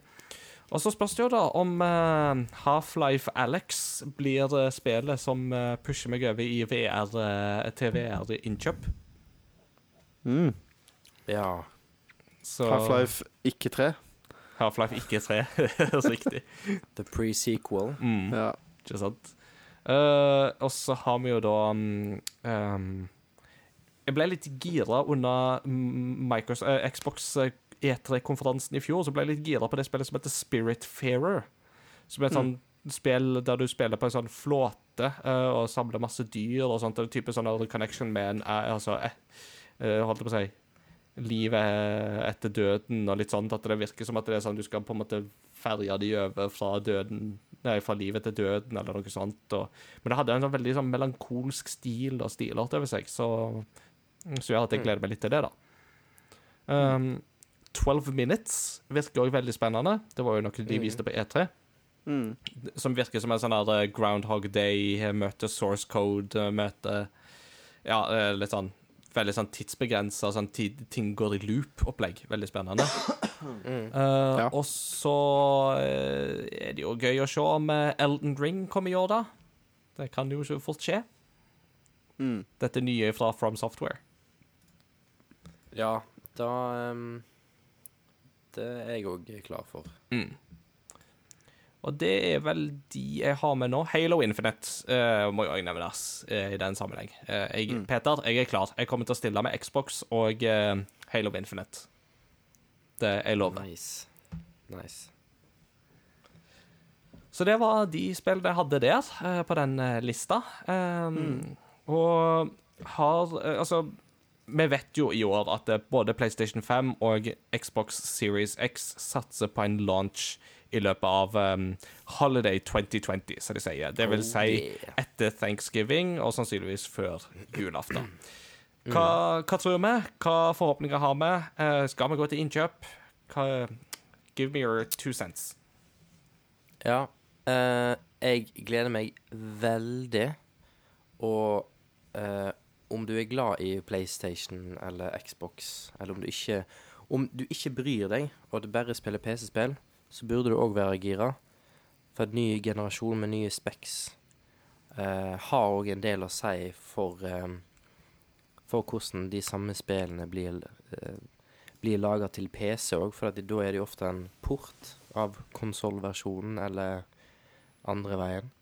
Mm. Så jeg, jeg tror vi jevnt over vil eh, se et ganske sånn stort hopp i Spesielt kanskje i verdensbygging, på grunn Mm. av eh, mye bedre CPU, som er rykta og nesten bekrefta. Eh, og ikke minst SSD. At du kan sende data til konsollen din og lese data og skrive data fortere, gjør at du kan fylle Sammen med en god CPU gjør at du kan fylle den eh, Sorry, jeg er litt tett her. Fylle denne spillverdenen her. Gjør den enda større, et mer tettpakka. Fylle den med mer ting som beveger seg. Mer AI. En landsby som lever for seg sjøl. Mer realistisk. Betydelig kortere og- lastetid, altså. ja, og et veldig kult eksempel på at det der er, ikke bare er prat, men, men faktisk er ting. Sorry. Eh, Jeg er på vei ut av influensa her. Um, er eh, det her er Space-spillet som aldri kommer ut. Uh, Eh, Star Citizen. Ja. Mm. Star Citizen ehm, Digital Foundry har en veldig kul film på Star Citizen hvor de snakker om Hvor de understreker viktigheten av at det kommer en SSD i de nye konsollene. For Star Citizen er så langt det eneste spillet eh, som fins, for du kan spille det spillet her i en early access, um, eh, på eh, høyeste settings hvis du har en SSD. Hvis du ikke har en SSD, så legger spillet litt mer. Du har masse mer pop-ins.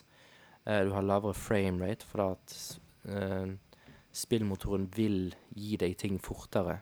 Og spill er bygd rundt det, men får det ikke til. Mm. Så eh, det er, jeg, tror det er, jeg tror det er veldig bra for spillverden at uh, det her skjer, da. Mm. Mer enn kun at PlayStation 5 er kult og Xbox Series X er kult.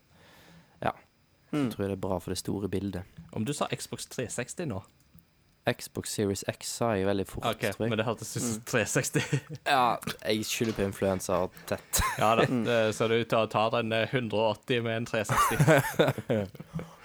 Xbox 720. ja, ikke sant. Oh yeah. Ikke sant. Mm. Eh, hva med deg, da, Mats Jakob? Eh, det, du er jo um, retroalibiet iblant oss eh, her. Eh. Ja. Eh, nei, nå har jo hatt en PlayStation 4 eh, på lån. Byttelån. God gammeldags byttelån. Mm. Eh, jeg har jo på en måte tenkt at jeg skal Jeg har jo alltid liksom ligget en generasjon bak, bare fordi det lønner seg.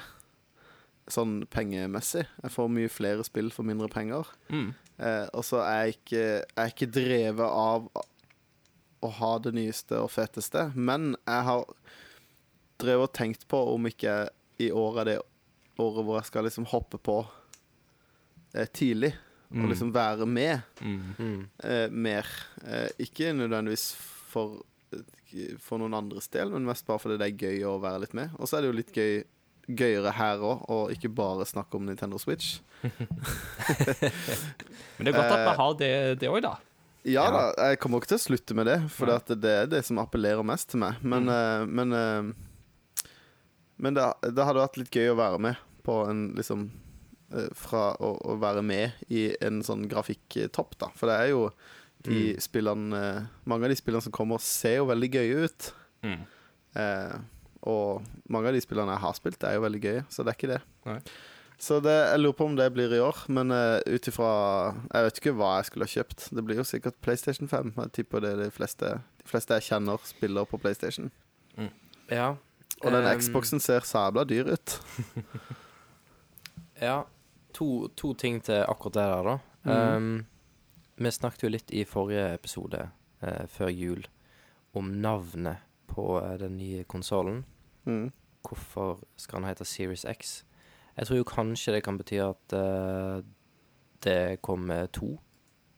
Det- At de gir en, en billigere utgave òg, som er nærmere Xbox One X, kanskje.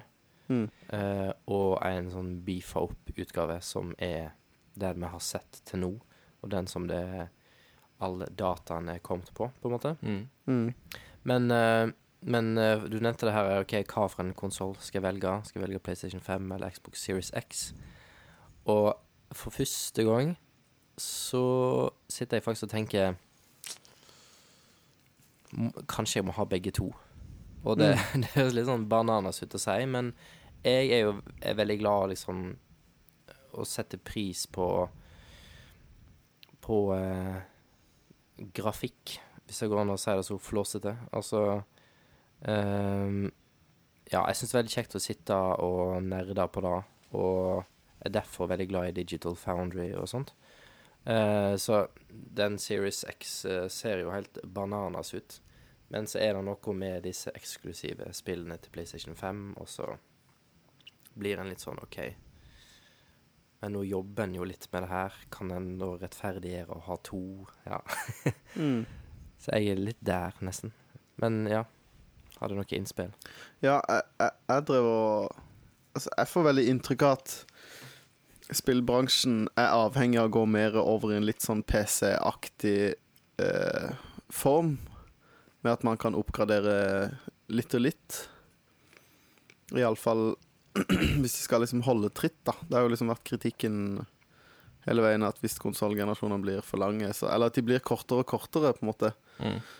Fordi at det, det blir fortere utdatert.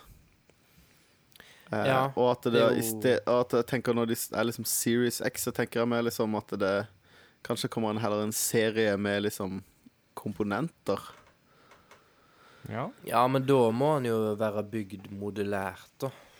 Og Ja, men det er jo ja, den, det ser jo mer, mer ut som et PC-kabinett enn uh, Series X-en enn han gjør uh, en X-spillkonsoll. Ja, jeg tror, jeg, jeg tror kjøling da, som har gjort at de har tenkt nytt om kabinettet. Mm. At uh, han skal kunne være kraftig, men ikke bråke. Ikke Mm. sant? Eh, men Ja, men med, da, med tanke på at konsoller ikke holder tritt med PC, så er det jo ingen generasjoner som har vært så lange som de to siste. Ja, men det, Ja. ja. Så det er jo på en måte litt av problemet til konsoller sånn sett. Mm. At ikke de blir Ja, kunne kanskje vært 30-40% 30% kortere, kanskje. Ja, men, men igjen, da. De ønsker jo at han skal være så lang som mulig. Og hvis du da kan det er De slipper jo eh, Xbox One X og alt dette her, ikke sant. Istedenfor å gjøre det, så kunne man jo De kunne jo ha bare sluppet liksom Ja, nå kan du kjøpe bedre CPU, eller hva enn det skal være. da. Ja, da får du det der Sega-styret, da. Ja, det Sega kan godt hende. Sega Ja. Men nå er det jo mye lettere å stille på innstillinger enn det var på den tida, da. på en måte. Du kan jo sette Ja, jeg vet ikke. Jeg, jeg tenkte mer sånn hvis de går i en mer sånn PC-aktig retning, da. ja. For det var bare Det Jeg har ingen belegg for det jeg sier. Det er bare spekulasjoner og synsing. det gjenstår å se.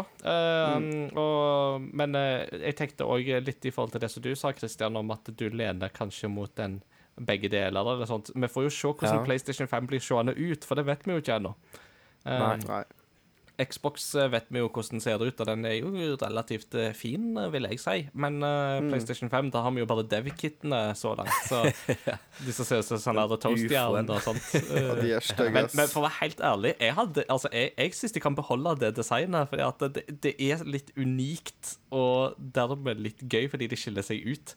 Så det er litt sånn blast from the past. Det minner liksom litt om sånne gamle konsoller på en måte. Så det blir litt sånn Cybertruck-stemning, på en måte. Ja, rett og slett.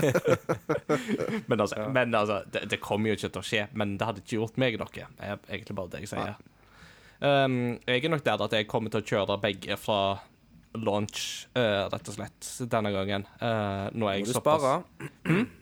Da må du spare. Ja da, det er i gang allerede, så Ja. det tror jeg skal gå bra. Men det koster å være kar. Men um, Jeg har lyst til det, altså. Denne gangen så har jeg lyst til å være på en måte på hugget på den generasjonen på alle plattformene så snart som mulig. Eh, bortsett fra mobilplattformer, da, for det har jeg ikke råd til. For du var litt sånn eh, late adopter til Xbox One Mm. den generasjonen her. Ja, Xbox To One var jeg sein på, men PlayStation 4 var jeg relativt kjapp med å skaffe. Jeg kjøpte ikke det heller ved launch, men jeg var i Japan Nei. ikke så lenge etter at det ble lansert, og kjøpte den i Japan. Og det sparte jo en del Ja. penger på. Mm. Altså, eh, hvis vi skal mimre litt her nå, da. Husker det eh, lanseringen til PlayStation 4 i Norge? Nei. Nei, bare PlayStation 3. Jeg husker at eh, det var så utrolig få eksemplar som kom til Norge. Eh, så det var liksom folk som sto i sånne avisartikler at, at 70 stykk står i kø. De to første fikk Wow. Mm. en PlayStation 4. Og eh, så husker jeg det var en sånn en, sak om at det var en butikk hvor han førstemann som sto i køen det var, Jeg tror det var en Elkjøp. Han liksom, Idet de åpner, rett bort til kassen 'Jeg skal ha en PlayStation 4.' 'Nei, sorry, vi har ikke.' 'Hæ?' vi er utsolgt.' 'Hæ?' Og så viser det seg at de ansatte har kjøpt alle konsollene. Og han bare Det går ikke. Og så var det, det var en ung gutt, og så kom mora og bare langa ut. Ja, ja, og det, bare, det var det han ene ansatte, og han bare OK, da. Og så måtte han selge sin til han gutten. Wow. Men, men det var jo med, med Xbox One så var det jo litt styr, fordi at den ble jo sluppet gradvis i forskjellige land. så da var det jo mange som importerte ja. til Norge til å begynne med, fordi at den ble ikke lansert Mm. i Norge i starten. Stemmer. Det er mange sånne localization issues der, tror jeg. Mm, så vi får håpe at det ikke skjer igjen. Eh, men eh, jeg gleder meg til å se hva den nye generasjonen kan prestere og få til. og sånt. Og eh, det er jo sånn, Nå er jo det bare en teaser-trailer, men altså Den traileren de viste for det nye Hellblade, uh, Senua Saga Som jo da Ja. Altså, det var jo sånn captured in Xbox, altså in game engine og sånt. Og den, den er rå, den traileren, altså. Den var veldig kul. Mørk og dyster og alt, men det er bare noe med rendringer og sånt er helt uh, utrolig, altså. Jeg er on board. Mm. My body is ready, Oh rett yeah. og slett. Og så blir det spennende å se hva Nintendo gjør midt oppi alt dette her. da. De vil jo kjøre sitt eget løp, ikke sant? Med Switch og hele pakka. Ja. Så Ja. Eh, Helt til Ja, det blir spennende. Ja, helt til slutt. Um, har dere noen spelmål for i år? Noen spesielle prosjekt dere har lyst til å gi dere i kast med? Noe i backloggen? Spesielt i år skal jeg spille det, eller lignende? ja. Ja, jeg har jo alltid spill jeg har lyst til å spille. eh, men et spill jeg har tenkt mye på, er et spill som heter eh, Lunar. Ja! Som egentlig er et Sega CD-spill, men som ble gitt ut på PlayStation. Mm.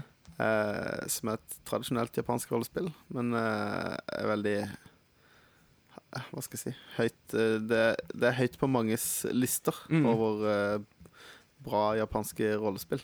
Jeg har sett særlig Lunar 2 eh, Mm. dukke ofte opp på sånn Best JRPGs of all time. Mm. Så der er jeg lyst til å Og jeg har begynt på det flere ganger, men uh, datt litt av. Så jeg tror jeg skal begynne fra start og sette meg ned. Ja. Og så har jeg lyst til å spille Metroid Prime-spillene.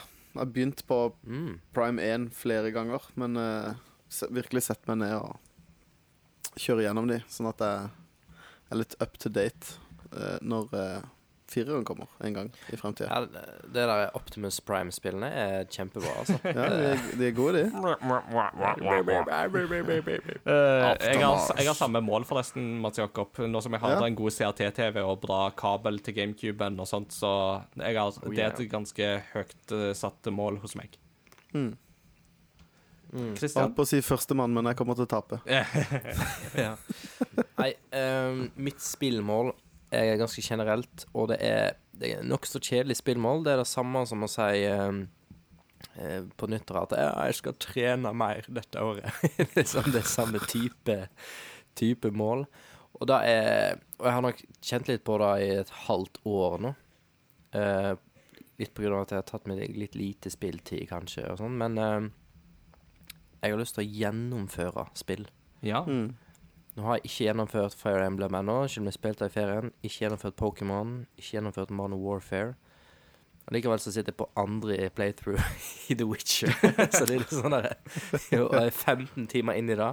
Hadde brukt de 15 timene i én av de andre spillene, i to av de kanskje, så hadde jeg vært ferdig med de to. Mm. Men eh, ja. Nei, jeg tror jeg har lyst til å bli flinkere til å gjennomføre spillene. Da tror jeg kanskje jeg hadde brukt litt mindre penger på spill òg, kanskje. Mm. Godt mulig. Uh, ja. Ehm, Nei, men uh, tusen takk, Karda. Kjempegøy å høre litt fra sånne prosjekter. Så får vi jo se hva som skjer ved årets slutt. Jeg, Mm. jeg vil jo også slenge inn at jeg begynte jo så vidt på det prosjektet jeg hadde i fjor, nemlig å begynne på Yakuza-serien. Uh, jeg hadde jo Mm, et håp ja. om å spille alt. Jeg har bare så vidt fått begynt. Men kanskje året i år blir året der jeg får komme litt lenger på Project Yakuza. For dette er en pachinko-kontroller til Super Nintendo. It's curiosity. What are you gonna show to me? It's curiosity. What neat thing to know. It's curiosity. What are you gonna show to me?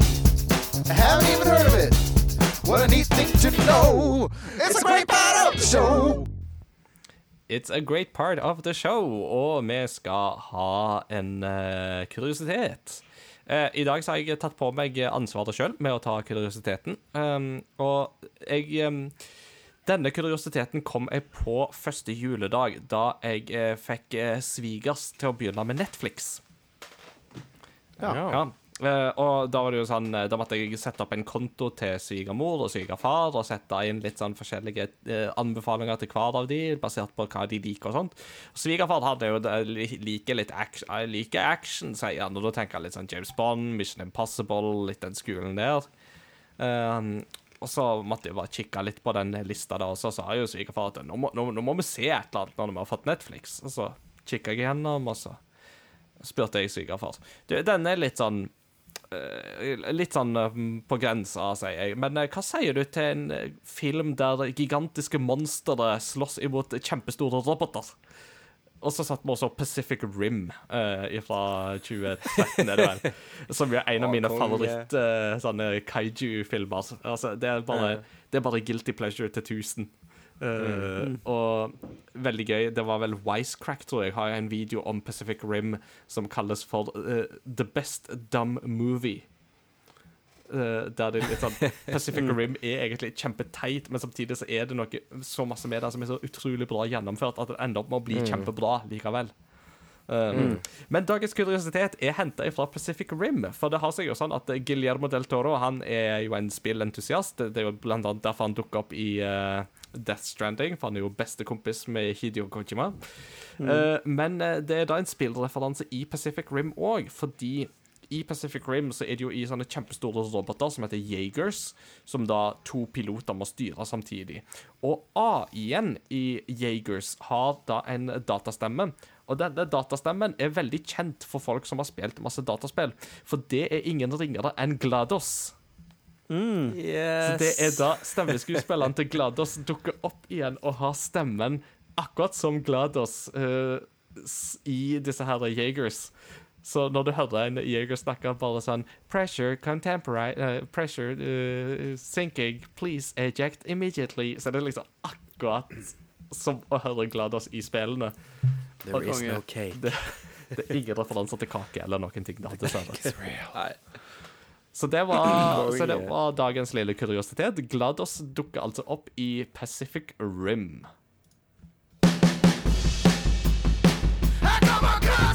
Gaming.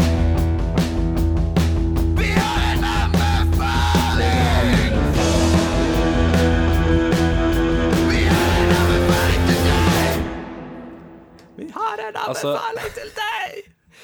Får ikke du vondt i halsen din, eh, Mats Jakob, for den siste tonen der? Eh, jo. For det, Det der er null for si det sangteknikk. sånn. Det er bare brøling. Ja, nydelig. Jeg vil bare eh, skyte inn at jeg har faktisk 99% på expert vocals i Rock Band 3 på sangen Ghost of Perdition av Opeth, så all metal-sygging bør bør dere overlate til meg, altså. Konge. Oh. Deilig. Ja, det må vi Vi må få høre deg live en gang. Kanskje streame. Mm, Vi må ha streaming av Rock Band 3 der eh, jeg synger Ghost of Perdition. Helt of! Yeah. Nei, men uh, ukens anbefalinger uh, Der har jeg fått æren av å uh, finne et eller annet å anbefale. Eh, og jeg eh, er jo som sagt ganske glad i å sitte i det her spillverktøyet Unity. Mhm. Og jeg er ganske glad i å spille spill. Og jeg er veldig glad i å høre på podkast. Og eh, da fins det et produkt der ute som forener alle disse tre interessene. How is that Og da possible? er How is it possible? Det er en Triforce her, altså. av av podkast, spill og spillutvikling. Og det er en podkast av The AIAS Foundation, som er da Academy of Interactive Arts and Sciences. Oi. Uh, det er de som eier den podkasten her, men selve podkasten den heter Game Makers Notebook. Og det er da en podkast.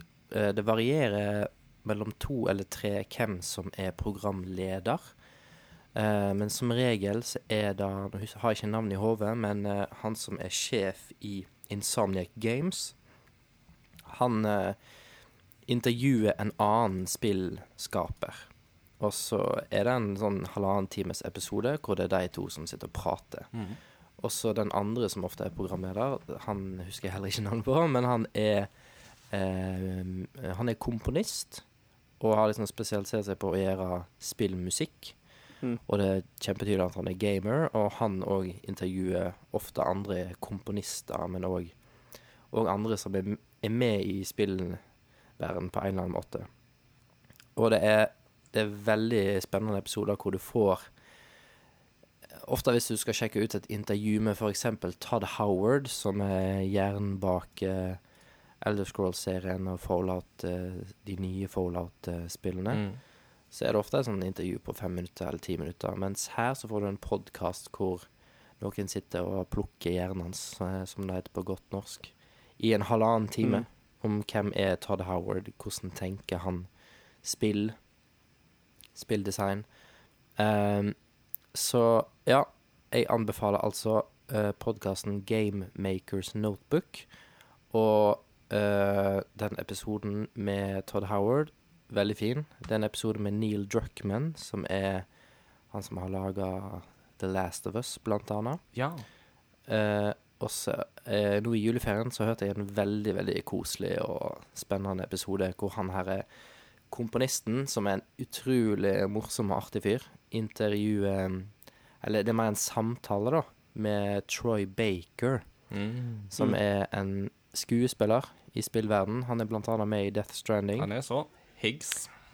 Ja, og han spiller jo uh, Joel i The Last of Us. Uh, Handsome Og, Jack er han vel òg? Ja, Er han ikke? Eller eh, det er jeg litt usikker på. Jeg tror ikke det er han. Nå, han er i, Eh, en, I han- Borderlands har han iallfall en rolle. Ja. Mm. Eh, men i hvert fall, da, så er det en eh, veldig kul episode. Veldig spennende og litt sånn eh, Ikke helt vanlig vei han har fått inn i skuespilleryrket og spillverden. Og så forteller han òg litt om når han møtte Hideo Kojima, hvordan han fikk rollen i Death Stranding. Og eh, da blir du òg litt kjent med myten Hideo Kojima. Og ja, det er veldig, veldig kult. Veldig spennende. kjempegøy. Gøy. Så Game Makers Notebook der, altså. Mm, Nice. podcast. nice. Jeg, bare, jeg må bare rette meg sjøl. Det var Riz han har eh, Troy Baker har stemmen til. Ja, det er det her uh, Telltale Borderlands-spillet, det tror jeg. Ja. Mm. Mm. Yes. So there we go. Tusen takk for den Mm. anbefalinga. Game Makers Notebook, altså. Den eh, legger vi òg inn i eh, Facebook-kommentarfeltet til denne episoden. Helt Mm. til slutt så avslutter vi som vanlig med et postludium, og da er det kommet til tredjemann i rekken, Mats Jakob Nesmann. Hva postludium vil du innlede 2020 med? Du, det, jeg tenkte vi skulle begynne rolig, jeg. Så deilig. Så jeg, jeg har valgt uh, et uh, en, uh, Et utdrag fra et av mine yndlings-soundtracks. Og det er rett og slett Dire Dire Ducks fra Mario 64. Ja.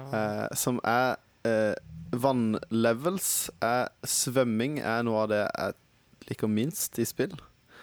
Men uh, den musikken her er helt uh, Den Den hjelper på sånne stressende svømmebaner hvor du må liksom mikromanage pust, oksygen, eller oksygen og alle de tingene der. Mm. Så er det bare en sånn fantastisk rolig, fin musikk. Og er liksom Mm. akkurat rett før det ble CD-kvalitet, men allikevel mange, mange nok kanaler til at det kan være liksom en ordentlig komposisjon, da. Mm. Med mer enn fire lydkilder eller åtte, eller hva det jeg hadde på Super Nintendo. Så det har litt sånn eh, 80-tallspreg med synten, men eh, det er utrolig fin melodi og veldig sånn avslappende musikk å høre på. Helt nydelig. Mm. Det er Koji Kondo på sitt beste. eh, vi Absolutt. får det i Super Mario 64. Mm. Så det var Dire Dire Docs, altså. Det blir det Mm. kjekt å høre. Få et gjensyn med. Nice. Med det så har vi kommet til slutten av denne episoden. Vi er tilbake igjen om to ukers tid. Hvis ikke vi er tilbake bitte lite grann før det òg. Jeg har noen planer som jeg går og pensker og tenker litt på, så dere får holde oppmerksom Eller dere får følge med. Eh, På Facebook-sida vår, eksempel, så der vil dere få nyhetene først hvis det kommer noe nytt. Og ellers er det bare å abonnere på oss på Spotify, på iTunes eller lignende kanaler. Eller følg oss på Instagram, Cogpodcast, hvis dere ønsker det. Har du noe du ønsker å supplere, Christian? Ja, jeg kan jo eh, plugge at eh, jeg stikker til Japan om to uker. Ja, det gjør du jo. og blir vekke i tre uker. Og da må de klare dere på egen hånd. Mats Jakob skal få lov å klippe litt.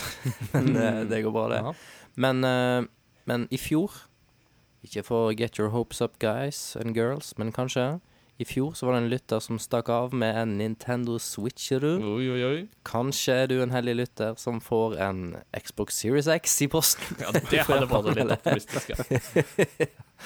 Nei da. Men uh, kanskje det kommer reisebrev derifra. Vi får se. Mm. Uh, Mm. Tenker du at uh, du er med på neste episode, er du ikke det? Jeg er med på neste episode. Ja. Jeg ville bare plugge det nå. Mm. Det, men det skal plugges neste gang. Det høres bra ut. Med Jeg bare gleder meg sånn til det. det må du bare glede deg til. Det skjønner jeg. Ja. Med det så sier vi takk for oss denne gangen, og vi snakkes ved neste korsvei. Ha det bra. Ha det bra. Bye bye.